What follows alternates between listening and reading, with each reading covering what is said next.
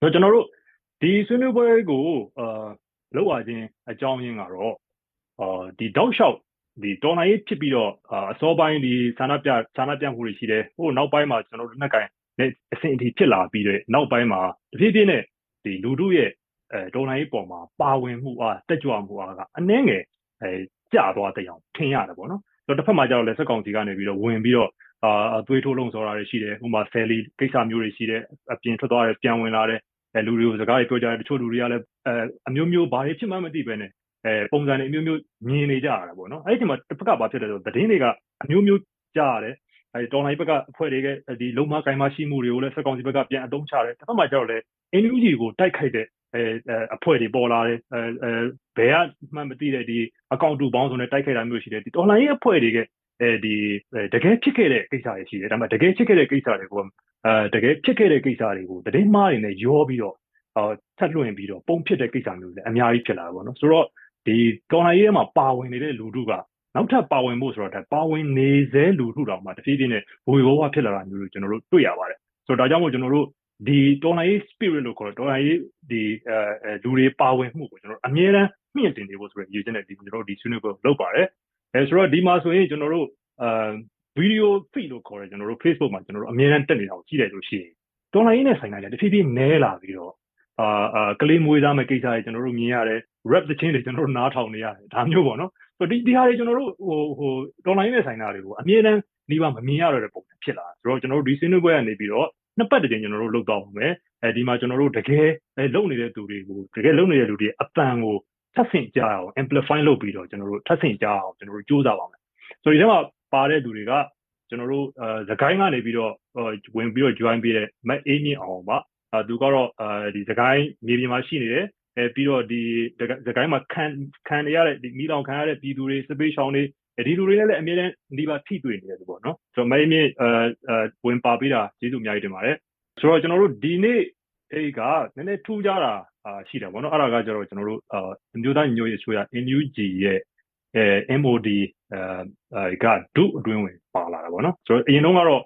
ကိုမိုက်ကယ်ကတခြားပွဲတွေမှာဝင်ပြောခဲ့တာမျိုးတော့ရှိတယ်ဒါပေမဲ့အဲ NUG MOD ကိုကိုစားပြုပြီးပြောခဲ့တာမျိုးမရှိဘူးပေါ့နော်ဒါပေမဲ့ဒီနေ့ပွဲကတော့ထူးထူးခြားခြားအာ NUG MOD ကိုကိုစားပြုပြီးတော့ပြောမှာဖြစ်တယ်အဲဒီဘက်ကတော့ကိုနန်းလင်းပါအာကိုနန်းလင်းကတော့အားလုံးသိကြတဲ့အတိုင်းတချို့ကတော့ ဟိုနန်းလင်းဆိုတာဘယ်ကလူမှမသိဘူးပေါ့နော်အဲโอเคဒီလူငယ်လေးတူအာသူ့ကိုယ်သူတော့လူငယ်လို့ဟိုပြောမလားကိုလူလက်ပိုင်းလို့ပြောမလားမသိတော့ဆိုတော့ကိုနန်းလင်းကအများစုသူ့ဟိုနောက်ပိုင်းမှာဘယ်လိုဘယ်လိုပုံစံနဲ့သိကြလဲဆိုတော့ဒီတော်လိုင်းရင်းနဲ့မသက်ဆိုင်တဲ့လူထုကသူ့ကိုဘယ်လိုဘယ်နေရာမှာပို့ပြီးတော့တတိထားမိကြလဲဆိုကားထဲမှာဒီထိုင်ပြီးတော့ကတော့နေတဲ့ပုံကနေပြီးတော့စပြီးသူ့ကိုတတိထားမိကြတာပေါ့နော်။အော်ဒီဒီလူငယ်တွေရန်ကုန်မြို့ထဲမှာခက်ခက်ခဲခဲအဲအဲဒီလုံညုံရေးတက်တဲ့ကြာလုံနေဆိုတာမျိုးစတည်ကြတယ်ဆိုပါဆိုတော့ရန်ကုန် ဟိုမြို့ပေါ်အခြေစိုက်ပြီးတော့ဒီတပိတ်အဲတပိတ်တွေအဲအဲဆန္ဒပြတာတွေဒါတွေကိုဟိုဥဆောင်နေတဲ့လူပေါ့နော်ကိုနန်းကိုနန်းလေးမင်္ဂလာပါဗျဟုတ်ကဲ့မင်္ဂလာပါကိုမဟုတ်ဟုတ်ကဲ့ပါအဲနောက်တစ်ယောက်ကတော့ Matt Christine ပါ Matt Christine ကတော့ဟိုးအရင်တုန်းကတည်းကသူကနောက်ွယ်ကနေပြီးတော့ဒီတပိတ်ပွဲတွေကိုစီစဉ်ပေးတာနောက်သတင်းတွေတပိတ်တပိတ်နဲ့ဆိုင်တဲ့သတင်းတွေကိုဖြန့်ပေးတာမှာဘယ်မှာတော့တပိတ်လုတ်တင်တယ်ဘယ်မှာတပိတ်မလုတ်တင်ဘူးစတဲ့ဟာမျိုးတွေနောက်ွယ်ကနေစီစဉ်ပေးတယ်ပေါ့နော်အခုနောက်ပိုင်းမှာလဲ BACS ရဲ့အဲဥဆောင်သူပါတော့ BACS ကကျွန်တော်နဲ့အတူတူဒီပွဲကိုကမခရပြုတ်ပြီးတော့လုပ်တဲ့အဖွဲ့အစည်းပါဒါပထမဦးဆုံးကျွန်တော်က Macristin ကနေစပြီးတော့ဒီပွဲကိုလုပ်ရတဲ့အကြောင်းရင်းရယ်နောက်ဒီ BACS အကြောင်းရင်းလည်း BACS ဆိုတာဘာလဲဆိုတာရယ်ပေါ့နော်နည်းနည်းလေးပြောပြစေချင်ပါတယ် Macristin မင်္ဂလာပါဗျဟုတ်ကဲ့မင်္ဂလာပါကိုမရေဟိုကျွန်တော်ရေးဖို့ရည်လည်းမင်္ဂလာပါရှင်ဟုတ်ကဲ့ ဆိုတော့ဟိုဟာကျွန်တော်ပြန်ပြီးတော့ကိုမရက်ကတော့အချင်းချင်းမိတ်ဆက်ပေးရပေါ့နော်ကျွန်တော်ဟိုပြန်ပြီးအဲမိတ်ဆက်ပြပြစေဆိုတော့ပထမဆုံးတော့ဟိုကျွန်တော်တို့စပါခဲ့ကျွန်တော်တခါမှရှိမထွက်ဘူးပြီးတော့စကားဝိုင်းဆွေးနွေးပွဲတွေမှာလည်းမပါဘူးပေါ့နော်အဲကိုမရက်ကတော့ကိုမရက်ကပြောတော့ကိုမိုင်ကယ်ကဒီမှာ MOD ဟိုဂျာရုနဲ့ဒီမှာပထမဆုံးစကားဝိုင်းဆွေးနွေးပွဲပေါ့ကျွန်တော်ကလည်းအပြင်ထွက်ပြီးတော့မှ panelist အနေနဲ့ပြောတာဒီနှစ်နှစ်အတော်အတွင်းမှာနှစ်နှစ်ကျော်အတော်အတွင်းမှာပထမဆုံးပဲဖြစ်ပါတယ်အာ ဒီတပိတ်တီစပြီးတော့မှထွက်ခဲ့တဲ့ရန်ကုန်တပိတ်ဆိုင်ထွက်တဲ့ February 6ရက်ထဲ6ရက်ထဲကတော့ကျွန်တော်ပါနေရပေါ့နော်။မှန်မှန်ရကျွန်တော်ဒီဦးဆောင်ပြီးလုပ်ခဲ့တဲ့ပွဲတစ်ခုကိုအဲဆွဲလဲလုပ်ရမယ်ဆိုလို့ရှိရင်ကျွန်တော်ရန်ကုန်ပေါ်မှာမင်းအောင်လိုက်ကိုအာအတုပချရဲဆိုပြီးတော့မှစူးလီမှာလုပ်ခဲ့ပါတယ်။အဲ့ဒါဒီ February ရဲ့ပထမဒုတိယပတ်ပတ်ဝန်းကျင်မှာဖြစ်ပါလိမ့်မယ်။ဆိုတော့အဲ့အဲ့ဒီကနေစပြီးတော့ကျွန်တော်အဲရန်ကုန်မြို့ပေါ်မှာဟိုလှုပ်ရှားခဲ့ပြီးတော့နောက်ွယ်ကနေပဲတောက်လျှောက်ပါလာနေတာဖြစ်ပါတယ်။ပြီးတော့အခုဒီ တပိတ်ဟိုအင်အားစုတွေတင်းမှာလည်းကျွန်တော်ပါပြီးတော့မှလှုပ်ရှားနေပါတယ်နောက်ပေါ်ကနေကျွန်တော်ရဲဘော်တွေရှေ့မှာထွက်ပြီးတော့မှမြေပြင်မှာလုံနိုင်အောင်ကျွန်တော်စီစဉ်တဲ့နေရာမှာအထူးအနေနဲ့ပါပြီးတော့ဆောင်ရွက်နေရဖြစ်ပါတယ်ဒါကတော့အဲကျွန်တော်ကိုသိအောင်လို့ဒီအများကြီးတော့မိတ်ဆက်ပေးရဖြစ်ပါတယ်ဒုတိယတစ်ခုတော့ BACS ပါ BACS ကတော့ဟိုကျွန်တော်ပြီးခဲ့တဲ့နှစ်2022ခုနှစ်လောက်ကမှစပြီးအသက်သွင်းပြီးတော့မှဒီလူတွေကိုအဲဒီကျွန်တော်တို့ဒီလူကြမှာ BACS အနေနဲ့ဆိုပြီးထွက်လာတာဖြစ်ပါတယ်အဲ့ဒီမတိုင်ခင်မှာတော့ကျွန်တော်တို့အဖွဲ့ဒီလက်ရှိဒီဒေါ်လာအတွင်းကပြိပခတ်တွေဘယ်လိုဖြစ်နေလဲဆိုတဲ့ဟာကိုဒီဇိုင်းမမဆောင်ကြည့်ရလုပ်ပါတယ်နောက်ပြီးတော့အဲဒီတစ်ဖက်ကပေါ့နော်စစ်ကောင်စီစေအုပ်စုရဲ့အဲအခြေအနေကျွန်တော်တို့အဲဒေါ်လာရေးရဲဘော်အင်အားစုတွေရဲ့လုံခြုံရေးပိုင်းဆိုင်ရာအခြေအနေတွေအတွက်ကိုလည်းပဲကျွန်တော်တို့စောင့်ကြည့်ကိစ္စတွေလုပ်တယ်ဒါတလော BACS ကတော့ပြိပခတ်နဲ့သက်ဆိုင်တဲ့အစီရင်ခံစာတွေ report တွေလုပ်ပြီးတော့မှကျွန်တော်တို့ stakeholder တွေဖြစ်တဲ့ဒီတပိတ်အဖွဲ့တွေပြီးသွားရင်ဥဆောင်တဲ့ဥဆောင်အင်အားစုတွေကြားထဲမှာထောက်ပံ့ပေးတဲ့ကိစ္စတွေကိုလည်းအလုပ်အဓိကလုပ်ပါတယ်နောက်တစ်ခုကကြတော့ ဒီပွဲကိုဘာလို့စလုပ်ဖြစ်တာလဲပေါ့နော်အာဘာကြောင့်လဲဆိုလို့ရှိရင်အဲကျွန်တော်တို့စကားပြောဖြစ်တယ်ကိုမရနဲ့ကျွန်တော်တို့ဒီဟာစကားလေးဟိုပြောပြရင်းနဲ့မှဒီပွဲ idea စရလာတယ်လို့ပြောရမယ်အဲကျွန်တော်တို့မှာခေါင်းစဉ်လေးမေးခွန်းလေးဟိုလူလူကြားမှာလည်းမေးခွန်းတွေအများကြီးပေါ့ပြီးရင်နောက်တစ်ခါကျွန်တော်တို့အင်အားစုတွေချင်းချင်းကြောက်ပေါ့နော်တော်လန်ရေးတပိတ်အင်အားစုဒီတော့မှပဲမှုလို့ပေါက်နေတာတကယ်ပြောရရင်ကျွန်တော်တို့တပိတ်အင်အားစုတွေချင်းချင်းကြောက်မှာလည်းတပိတ်နဲ့ပတ်သက်တဲ့ ခေါင်းစဉ်ကိုပဲအကြောင်းအရာကိုပဲမေးခွန်းတွေအများကြီးရှိတယ်အဲတကယ်လူလူကပါနေပြီလူလူကမပါတော့ဘူးလူလူကယုံကြည်နေတယ်မယုံကြည်တော့ဘူးအာသူ့ဟာနဲ့သူဒုက္ခရောက်နေ struggle လုပ်နေစသည်ဖြင့်အဲ့လိုအများကြီးပဲပြီးရင် NUG NUCC ပေါ်မှာလည်းကျွန်တော်တို့မေးခွန်းတွေတန်တရားတွေအများကြီးပဲဖြစ်တယ်အဲ့ဒါကိုကျွန်တော်တို့ကဘာနဲ့မြင်လိုက်လဲဆိုတော့မိဖို့မွေတွေလို့မြင်တယ်ပေါ့နော်ကျွန်တော်တို့တော်ဆိုင်ရေးအတွက်ဖြတ်တန်းနေတဲ့အချိန်တော့တွင်းမှာဆိုရင်ဒီမေးခွန်းတွေဒီအကြောင်းအရာတွေအားလုံးဒီကျွန်တော်တို့တစ်ခုခုရှင်းရှင်းလင်းလင်းမမြင်နိုင်အောင်ပိတ်ဆို့နေတဲ့မေးခွန်းတွေလို့မြင်တော့ အဲ့ဒါတွေကိုကျွန်တော်တို့ဆွေးနွေးရင်းစကားပြောရင်းနဲ့မှအဲဟိုတယောက်နဲ့တယောက်စကားပြောရနေဟိုဟိုကောင်းမီးလုံးလေးလင်းသွားလို့ပေါ့တင်းဆိုဖြစ်သွားတော့အေးဟုတ်တယ်ငါတို့ကဒီလိုဖြစ်နေရပဲဒါဖြစ်နေရပဲဆိုပြီးတော့မှပြောတဲ့အပိုင်းပေါ့နော်အဲ့လိုပုံစံမျိုးကိုရည်ရွယ်ဒီကနေပြီးတော့မှကျွန်တော်တို့ဒီတစုံတစ်ခုအဲရာသွားဖို့ဆိုတဲ့ဟာထက်ဆိုင်ရင်ပိတ်ဆို့နေတဲ့အမြင်တွေရှိမှကျွန်တော်တို့ wipe တစ်ခုခုလောက်လုပ်ပေးလိုက်နိုင်တယ်ဆိုတဲ့မျှော်လင့်ချက်ပဲမျှော်လင့်ချက်ရှိရပေါ့နော်ဟုတ်ကဲ့ပါဆိုတော့အခုဆွေးနွေးပွဲမစသေးဘူးဆိုတော့မိကိုတွေမှားပြီးတော့ကျွန်တော်တို့ အဲ့လိုဖြစ်နေတဲ့မြင်ကွင်းမျိုးမြင်အောင်ရမှာပေါ့နော်ဆွေးနွေးပွဲပြီးသွားတဲ့အချိန်မှာတော့မိကိုတွေလွင့်စင်ပြီးတော့ကျွန်တော်တို့တခုခုချင်းချင်းလင်းလင်းသိသွားတဲ့မြင်ကွင်းမျိုးမြင်ရမှာပေါ့ဆိုတော့ကျွန်တော်တို့မိကိုတွေနဲ့စလိုက်အောင်ပါအာဆိုတော့အခုမြေပြင်မှာတော်လန်နေကြတဲ့လူတွေပေါ့နော်အထူးသဖြင့်တော့သခိုင်းမှာအာဆိုရင်ဒါကျွန်တော်တို့နေ့စဉ်ဒီဒါကိုဒေတာဆန်းတို့ဆိုရင်အမြဲတမ်းဒီပါတပိတ်တွေလုပ်နေတာကျွန်တော်တို့မြင်နေရတယ်အဲနယ်ကလူတွေအဲဟိုးရင်တော့ဆိုကျွန်တော်တတိထားမိရတခုရှိတယ်အဲ့ဒါပါလဲဆိုမျက်စိဒီမျက်နှာတွေကိုကွယ်ထားကြတယ်ရင်တော့ ကဆိုရင်မှလူလူတွေကလည်းပြောကြတာပေါ့နော်မျက်နှာတွေကွယ်ထားတင်တယ်စသဖြင့်ပေါ့လေအခုနောက်ပိုင်းဆိုလို့ရှိရင်မျက်နှာတွေမကွယ်တော့ဘဲနဲ့အပေါ်တင်ချတာမျိုးတွေကျွန်တော်တို့မြင်ရတာပေါ့နော်ဆိုတော့ဘာလို့လဲဆိုတော့ဟိုဘလို့ပဲနေနေစစ်ကောင်စီဟာအာမင်းတို့ဖာသာမင်းတို့မျက်နှာကွဲပါလေလေမကွဲပါလေလေမြင်မြင်ရမဲမဲမြင်တယ်မြအာခွေးယူကြီးရှောက်သွားနေတယ်လို့မျိုးမျက်မဲမြင်ရကြိုက်နေတယ်လို့မျိုးသူကတောက်လျှောက်အာတွေ့သမျှရွာမီးရှို့အာတွေ့သမျှလူတက်လုံနေတယ်ဆိုတဲ့အခြေအနေဖြစ်လာပြီပေါ့နော်ဆိုတော့အဲ့လိုမျိုးတွေတောက်လျှောက်ဖြစ်နေတာပေါ့ဆိုတော့အဲ့ဒီမှာ ကျွန်တော်မအေးမြင်တယ်ကျွန်တော်တို့ဒီပွဲမစခင်မှာကျွန်တော်စကားပြောအဲ့မှာသတိထားမိတာလေးတစ်ခုရှိတယ်ပေါ့နော်အဲ့ဒါဘာပြောလို့အာကျွန်တော်သတင်းတွေမှာမပါတဲ့အကြောင်းအရာတွေရှိနေတယ်ကျွန်တော်တို့မြေပြင်မှာတကယ်ဖြစ်နေပြီးတော့ပြောပြလို့လည်းမရအာအပေါ်အထက်ကိုတင်ပြတော့လည်းအခက်အခဲရှိစသဖြင့်အဲ့ဒီကိစ္စမျိုးတွေရှိနေလို့ပြောတယ်။အဲ့ဒီအဲ့ဒီအဲ့ဒီမြေပြင်မှာတကယ်ဖြစ်နေတဲ့ကိစ္စတွေကသတင်းတွေမှာလည်းမပါဘူးကျွန်တော်တို့အထက်ကိုတင်ပြတော့လည်းတိတ်ပြီးတော့မထူးဘူးဆိုတဲ့အခြေအနေမျိုးတွေဖြစ်နေတဲ့အချိန်ကတချို့ကိစ္စတွေပြောပြပါဦး။အာဟုတ်ကဲ့ပါလောလောဆယ်ပေါ့နော် ဟိုလူတို့ကဒါစောင့်ကြည့်ကြလိုက်ပဲပေါ့နော်။ညာတော့အပြင်က social media ရဲ့တဆင့်စောင့်ကြည့်ကြတာကိုဆိုတော့သတင်းတချို့ကတော့တချို့တစ်ဝက်ကတော့ဒါ social media မှာရောက်ကြတဲ့တချို့တစ်ဝက်ပေါ့။ဒါပေမဲ့မြေပြင်ရဲ့တကယ်တချို့ background အနေအထားတွေမှာကျတော့ social media ကိုမရောက်တဲ့အနေအထားတွေလည်းရှိတယ်။အဲ့မှာမှအပိုင်းခွဲပြီးပြောရမယ်ဆိုလို့ရှိရင်ဒီစစ်ရေးနဲ့စပြီးပြောချင်တာပေါ့နော်။ကျွန်တော်ကစကိုင်းတိုင်းကိုကျွန်တော်2022ခုနှစ်လောက်မှာကျွန်တော်စရောက်တယ်။ကျွန်တော်စရောက်တော့ဒီစကိုင်းရဲ့အနေအထားကဘာလဲဆိုတော့တရင်တက်ဖွဲ့တွေက ဟိုတအားမကြသေးဘူးပေါ့နော်ဆိုတော့ MOD ကလည်းအဲ့တုန်းကဒီမှာရှိနေတဲ့ဒီတန့်ကျဲနေတဲ့ဒီတက်ဖွဲ့တွေကိုခြေရောက်ကွန်မန်ကောင်းမဒီစောင့်နိုင်သေးဘူးပေါ့နော်အဲ့တုန်းကကျွန်တော်ရောက်ဆောင်ဆိုဒီဘက်မှာနေနေဆိုးမမောတော့အင်မကောင်းအဲကောင်းနေသူတို့ကသူတိတ်ရတာပေါ့နော်အဲ့တော့ MOD အောက်သူတို့တိတ်ရောဟိုမရောက်ကြသေးတဲ့ဖွဲ့တွေမှာအများကြီးရှိတယ်ဆိုတော့နောက်ပိုင်းဘာဖြစ်လာလဲဆိုတော့ဒီလက်နက်ကိုင်ဖွဲ့တွေကများတာကိုများတဲ့ခါမှာကျတော့ချင်းချင်းသူကပုတ်တိုက်မှုတွေရှိလာတာပရိပခတွေဖြစ်လာတာပေါ့နော်အဲ့မှာမှလူတချို့ကတချို့ပရိပခတွေကိုပဲသူတို့သိကြတာပေါ့ဥပမာထားပါတော့ဒီ အရင်နာမည်ကြီးသွားတဲ့ဒီဒီရမလေးဖြစ်စဉ်လိုမျိုးပေါ့နော်ဒီရမလေးဖြစ်စဉ်ဆိုဆရာတို့ဖြစ်စဉ်ပေါ့အဲ့မှာမှလူတချို့ကစပြီးတော့အော်ပရိပခတွေဖြစ်နေပါလားဆိုအောင်စပြီးတော့ရိပ်မိလာကြတာပေါ့နော်ဒါပေမဲ့ကျွန်တော်ကအမှန်တိုင်းပြောရမယ်ဆိုဒီနေရာမှာလူတို့ကိုချပြရမှာလေကျွန်တော်စိတ်ထဲမှာစိုးရိမ်ချက်တစ်ခုရှိတယ်အဲ့ဒါကဘာလဲဆိုတော့ကျွန်တော်ပြောတဲ့ဟာယူကြားပြီးတော့ပေါ့ဟာအရင်စိတ်ညစ်သွားရေပြန်ကဒီလိုကြီးလားစိတ်ညစ်စရာကြီးလားအဲ့လိုတွေးမှလဲဆိုရယ်ဒါပေမဲ့စိတ်ညစ်စရာမဟုတ်ပါဘူးဘာလို့လဲဆိုတော့အညာမှာအဲ့လိုကဖြစ်နေကြပဲပေါ့နော်ဖြစ်နေကြပဲဆိုတော့ဟို ပြဿနာအများတန်းရှိနေရပေါ့အဲ့မှာမှာစီရေးမှာဆိုဘယ်လိုပြဿနာရှိနေလဲဆိုတော့ तू ကစီရေးမှာကသူကျွန်တော်ကခွဲနေရမယ်ပေါ့နော်အဖွဲအစုဖွဲ၃ဖွဲကိုခွဲနေရမယ်ပေါ့နော်ပထမကတော့ဒီ MOD အောက်မှာရှိတဲ့တရင်တက်ဖွဲ့ကြီးပေါ့ဒုတိယကကျတော့ဒီပကဖတွေပေါ့တတိယကကျတော့ဒီ local PD ရဲ့ကျွန်တော်ကအဲ့လိုခွဲနေရမယ်ပေါ့ဆိုတော့ local PDF တွေနဲ့ပကဖတွေကြားပကဖနဲ့တရင်တက်ဖွဲ့ကြီးကြားပကဖနဲ့တခြားသောအဖွဲ့ကြီးကြားပေါ့နော်အဲ့လိုမျိုးပရိပခတွေကပုတ်တိုက်မှုတွေကဒီဘက်မှာအများကြီးရှိနေတယ်တချို့ပုတ်တိုက်မှုတွေမှာဆိုလို့ရှိရင်ကျွန်တော်တို့ဒါ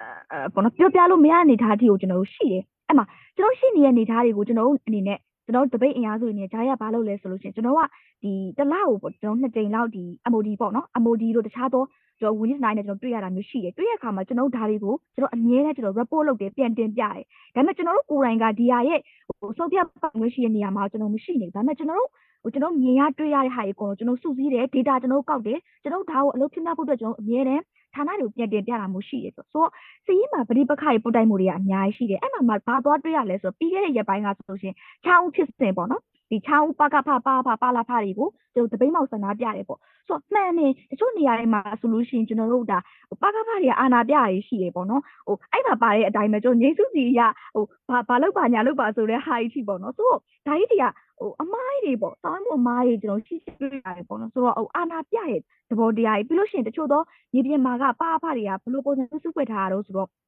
elected မဟုတ်ဘူးပေါ့နော်တချို့နေရာမှာ selected ပုံစံမျိုးဖွဲ့စည်းထားတာပေါ့ဆိုတော့ချောင်းဖြစ်စဉ်ကဖြစ်သွားပြီးဟေးဆိုကြမှာဒါလူတို့ကသိကြတာအဲ့လိုမျိုး case တွေကတခြားနေရာမှာလည်းရှိနေသေးပဲပုတ်တိုင်းမှုပေါ့နော်ပါဖာနဲ့မြေပြင်ကအစုဖွဲ့ကြဒါပေမဲ့လောလောဆယ်မှာတော့ဒါဒီကိစ္စတွေကိုကျွန်တော်တို့တက်နိုင်ဆုံးပေါ့နော်စုစည်းပြီးတော့ဟိုထက်ကိုကျွန်တော်တို့တင်ပြတာမျိုးရှိတယ်ဂျားထဲမှာညှိနှိုင်းနေရမျိုးရှိတယ်ပေါ့ဆိုတော့အခုဒီလိုဖြစ်နေတဲ့ကိစ္စတွေကိုဒီလိုဖြစ်နေတဲ့ကိစ္စတွေကိုဥမာပါပါပါပါကဖာလည်းပါနေပြီဆိုတော့အင်းယူကြီးကတိလား သိတယ်သိကိုပေါ့ဟုတ်ကဲ့ပါဟိုကျွန်တော်အဲ့ဒီအဲ့ဒီအဲ့ဒီဟာလေးလိုချင်တာပါဆိုတော့ကျွန်တော်တို့တစ်ဖက်မှာကျတော့ဘယ်လိုကိစ္စမျိုးရှိနေဆိုမြေမြုံကဖြစ်နေတဲ့အဖွဲ့တွေကလည်းအများကြီးပေါ့နော်။တချို့ကျတော့ပြောရဲအဲအဲအင်နူဂျီစကိုင်းရောက်ဖူလာဒါမျိုးဝေဖန်တဲ့လူမျိုးကလည်းရှိတာဟုတ်။ဆိုတော့ဝေအမြတ်ရောက်ကြအောင်မလို့နော်ကျွန်တော်တို့အောက်မှာ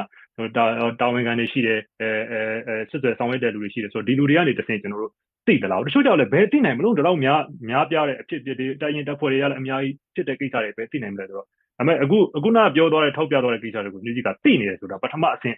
သိနေတဲ့အဆင့်ကပြောရရင်တော့ဟိုဟိုဟိုဟိုသိသွားတယ်စည်ရင်းဝင်သွားတယ် record ဝင်သွားတယ်ဆိုတော့အချင်းရောက်တယ်ဆိုတော့ကြားရတာကျွန်တော်ကျွန်တော်တို့ဒီမှာဒီဒီ live ကိုကြည့်နေတဲ့သူတွေလည်းအဲသဘောပေါက်မှာထင်ပါတယ်ဆိုတော့ကျွန်တော်ကိုနန်းလေးကြိုတော့မယ်မအေးမအေးမြင့်ထပ်ပြီးတော့သိကြတာပြောကြတာမျိုးလို့ရှိရင်ခဏလေးပြီးခံပြီးပါဦးနော်နောက်ထပ်ကျွန်တော်လှည့်ပေးပါမယ် ဒါကတော့အခုနမြင်ကျွန်တော်တို့ကြားခဲ့ရတာတော့မအေးမြင့်ကတောတဲ့ကအခြေအနေပေါ့နော်ကျွန်တော်တို့နေ့စဉ်မြင်နေရတဲ့သခိုင်းကအာတောတဲ့ကအခြေအနေပဲကိုကျွန်တော်တို့ပြောသွားတာပါဆိုတော့ကိုနန်းလေးကကြတော့မြို့ပေါ်မှာရှိနေတယ်တပိတ်တွေလုပ်တယ်ကြောက်ကြတပိတ်တွေရှိတယ်ဟိုနာပေါ်လာလီနာပေါ်လာအာကျွန်တော်တို့အာအာပစိုးတွေမှာအမျိုးမျိုးရေးပြီးတော့ပေါ်လာထီးတွေမှာအမျိုးမျိုးရေးပြီးပေါ်လာဒါမျိုးတွေကျွန်တော်တို့အများနဲ့မြင်နေမြို့ပေါ်မှာကိစ္စပါဒါပေမဲ့ကျွန်တော်တို့မှာဗာဗာတတိထားမိတယ်ဆိုတော့ကျွန်တော်တို့ဒီ အာအာကျင်းနေတိုင်းပန်းပင်ကြီးလန်နောက်ပိုင်းပေါ့ကားနဲ့တိုက်တယ်နောက်ပိုင်းလို့ကျွန်တော်တို့ပြောလို့ရပါတယ်နော်အစောပိုင်းမှာတော့ကျွန်တော်တို့လူ20 30ဆိုတဲ့ဟာမျိုးကျွန်တော်တို့ပါခဲ့ဒါပေမဲ့ပန်းမီလန်နောက်ပိုင်းဒီကားနဲ့တိုက်တိုက်တိုက်တဲ့နောက်ပိုင်းတွေမှာကြာတီးတင်းနဲလာတယ်နောက်ပြီးတော့လူတွေအရင်တော့ဆိုလက်ခုပ်တီးအားပေးကြတာမျိုးတွေကျွန်တော်တို့မြင်ရတယ်ပေါ့နော်ဗီဒီယိုတွေပါတဲ့ထဲမှာဆိုရင်လည်းဒါပေမဲ့အခုနောက်ပိုင်းမှာအဲ့လိုမျိုးတွေမရှိတော့ဘူးပေါ့နော်ဆိုတော့ဟိုးအရင်တုန်းကအခြေအနေနဲ့အခုအခြေအနေနဲ့ဘာကြောင့်ဒီလမ်းပေါ်မှာထွက်ပြီးတော့ဆန္ဒပြတယ်တောက်ကြားပဲပြပြ အဲရုပ်တရက်ပဲထွက်ပေါ်လာပေါ်လာပေါ့နော်ဒီလူတွေကိုဘာကြောင့်ဒီထောက်ထောက်ပံ့ဘေးကနေပြီးတော့အားပေးမှုကြတော့ရတယ်လို့ထင်တယ်ခုနနဲ့ဟုတ်ဟိုအချက်အများကြီးတော့လည်းရှိနိုင်တယ်ကျွန်တော်တို့လည်းဒီလားကိုမရက်ကမနေ့ကတူပြီး2မိနစ်ဆိုတော့2မိနစ်တွင်းဝင်အောင်တော့ကျွန်တော်ဒါကျွန်တော်လည်းခံစားမိလို့ကျွန်တော်နည်းနည်းလေးပြောကြည့်မယ်ပေါ့နော်ဆိုတော့ပြောကြည့်မယ်ဆိုတော့အဓိကကတော့ဟိုခုကျွန်တော်တို့ပရမဇုံစကားဝိုင်းမှာစခဲ့တဲ့ information ပြဿနာပဲ သတင်းချက်လက်ပြဿနာကလူတွေကြားထဲမှာတပိတ်ဖွဲ့တွေကလည်းများတာဟုတ်နော်လှုပ်ရှားမှုတွေကလည်းကျွန်တော်တို့ကတပိတ်တွေကလည်းအရင်ဆိုနေ့စဉ်ရက်ဆက်ကိုလူပြတွေမှာလည်းအဖွဲ့အသီးသီးကလှုပ်ကြတယ်အဲနောက်ပိုင်းလဲဒါအခုချိန်ကြီးက debate တွေကမြေပြင်ပေါ်မှာရှိနေသေးတယ်ဒါပေမဲ့ကျွန်တော်တို့ကမြေပြင်မှာလုပ်တယ်ပြီးရင် online ပေါ်တင်တယ်ဆိုတဲ့ကိစ္စက online ပေါ်တင်မှကျွန်တော်တို့ကလူတို့ကသိတယ်လူတို့အော်ဒီနေရာမှာ debate မောက်သွားတယ်ဒီနေရာမှာတော့ဟိုကဖြစ်တယ်ဟေးပေါ့နော် debate ပျောက်ကြား debate တို့ပြီးပြီးသူကခဏလေးမြေပြင်မှာ10မိနစ်2မိနစ်လောက်ဆိုရင်အိမ်နာလူတော်တော့ခါကျရင်ဘာဖြစ်လို့ဖြစ်သွားမှမသိဘူးဒါပေမဲ့ online ပေါ်ရောက်သွားမှသိတယ်ဒါပေမဲ့ကျွန်တော် online မှာကျွန်တော်တို့ရဲ့ ဟိုပုံမှန်လေးလေးပဲကျွန်တော်တို့ဒီနေ့ပြောကြရရင် online ရဲ့ကျွန်တော်တို့ဝါဒရေးကကျွန်တော်တို့ online အင်အားစုတွေရဲ့ဟိုဝါဒရေးကဖြန့်ဖြူးမှုလိုပဲပြောပြောကျွန်တော်တို့ရဲ့သတင်းစကားတွေပဲပြောပြော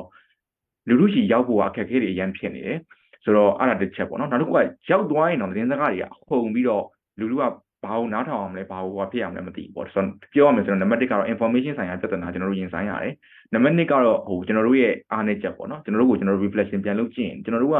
ဟို ဟိုလူလူအာနာဖီဆိုင်လို့ပြောရင်ကျွန်တော်က debate တွေကိုပဲပြေးမြင်တော့တဲ့အနေအထားဖြစ်သွားတာပေါ့အမှန်တော့ debate ဆိုတာကလူလူအာနာဖီဆိုင်ရေးတွေ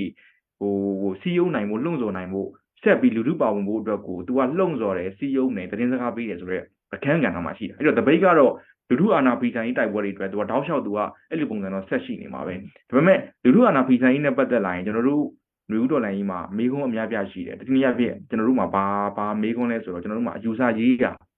မရှင်းလင်းဘူးတချို့ကိစ္စတွေမှာ user ရေးကမရှင်းလင်းတော့ဘာဖြစ်လဲဆိုတော့မဟာဗျူဟာပျောက်တယ်လို့ဖြစ်တယ်မဟာဗျူဟာပျောက်တော့ဘာဖြစ်လဲဆိုတော့နီးနာတွေကမပြီးမပြင်းဖြစ်တာပေါ့ဗျာဒါပေမဲ့ကျွန်တော်တို့ sandwich တွေထွင်တဲ့နီးနာတွေတော့အကုန်လုံးနေတာပဲခုနကကွန်ပျူတာလည်းပြောသွားတာပဲဒါပေမဲ့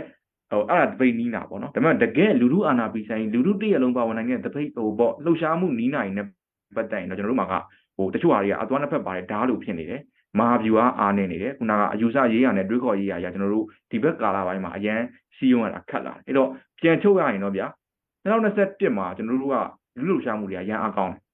အဲ့ဒီအားကောင်းတဲ့အချိန်နဲ့ကျွန်တော်တို့ကလက်နက်ကင်ဒေါ်လာကြီးကိုကျွန်တော်တို့ကတစ်ဆင့်မြင်လိုက်တယ်ပေါ့လက်နက်ကင်ဒေါ်လာကြီးရန်အားကောင်းတဲ့ခါကျတော့ကျွန်တော်တို့ကဘာသွားဖြစ်လဲဆိုတော့လူလူကလက်နက်ကင်ဒေါ်လာကြီးနဲ့ပတ်သက်တဲ့သတင်းတွေကိုပဲပို့ပြီးစိတ်ဝင်စားတယ်တစ်ဖက်ကလည်းကျွန်တော်တို့ကခုနလိုသတင်းအချက်လက်ဘိုင်းဆိုင်ရာခုနအယူဆတွေးခေါ်မဟာဗျူဟာဘိုင်းဆိုင်ရာခုနနီးနာမှာလည်းအသွားနှစ်ဖက်ပါတယ်ဓာတ်လိုကိစ္စမျိုးတွေရှိနေတဲ့အနေအထားတွေမှာဖြစ်တော့ ပို့ပြီးဆိုးလာတယ်ပို့ဆိုးတာကရန်သူကအဲ့အနေအထားတွေမှာဖွင့်ကောင်းယူပြီးတော့ဟိုဟိုပေါ့နော်ကျွန်တော်တို့ဒါဟိုသတင်းချက်လက်ဆိုင်ရာဒါစစ်ပွဲတွေကျွန်တော်တို့ဆင်နွှဲတွေ propaganda ပြန်လုပ်တယ်ဖိနှိပ်တယ်အကွက်ကြကြဆိုတော့အဲ့အနေထားမှာကျွန်တော်တို့ကဒီကနေ့လိုအခြေအနေနဲ့ကျွန်တော်တို့ရင်ဆိုင်နေရတာပေါ့ဒါပေမဲ့ကျွန်တော်ကတော့ဝမ်းသာတာတစ်ခုကတော့ဒီကနေ့ဒီလိုစကဝိုင်းတွေပေါ်လာပြီးကျွန်တော်တို့အင်အားစုတွေကြားမှာလည်းဒီပြဿနာတွေကိုအဖြေရှာဖို့ကျွန်တော်တို့စူးစမ်းနေကြတယ်လို့ကျွန်တော်မြင်နေပေါ့ဗျာဆိုတော့ချုပ်မယ်ဆိုရင်တော့ဒီလောက်ပဲကျွန်တော်ပြောလို့ရပါတယ်ဟုတ်ဟုတ်အဲ့မှာကျွန်တော်ဟိုစကားထောက်ပြီးတော့မေးခြင်းတဲ့ကိစ္စတကယ်ကြတော့ကျွန်တော်တို့ဒီဆွေးနွေးပွဲရဲ့ အစောဆုံးကောင်းစဉ်ကပါတယ်ဆိုတော့ဆန္ဒပြပွဲတွေလိုသေးလားမလိုတော့ဘူးလားဆိုတော့ခေါင်းစဉ်ပေါ့နော်ဆိုတော့ဒီမှာကျွန်တော်တို့ကခေါင်းစဉ်ကိုနောက်ပိုင်းပြောင်းလိုက်တာပေါ့ဆိုတော့ကျွန်တော်ခုနကနည်းနည်းလေးထပ်ပြီးတော့အတိုလေးဖြည့်ပေးလို့ရရင်ဖြည့်ပေးပါတော့အဲ့ဒါကဘာလဲဆိုတော့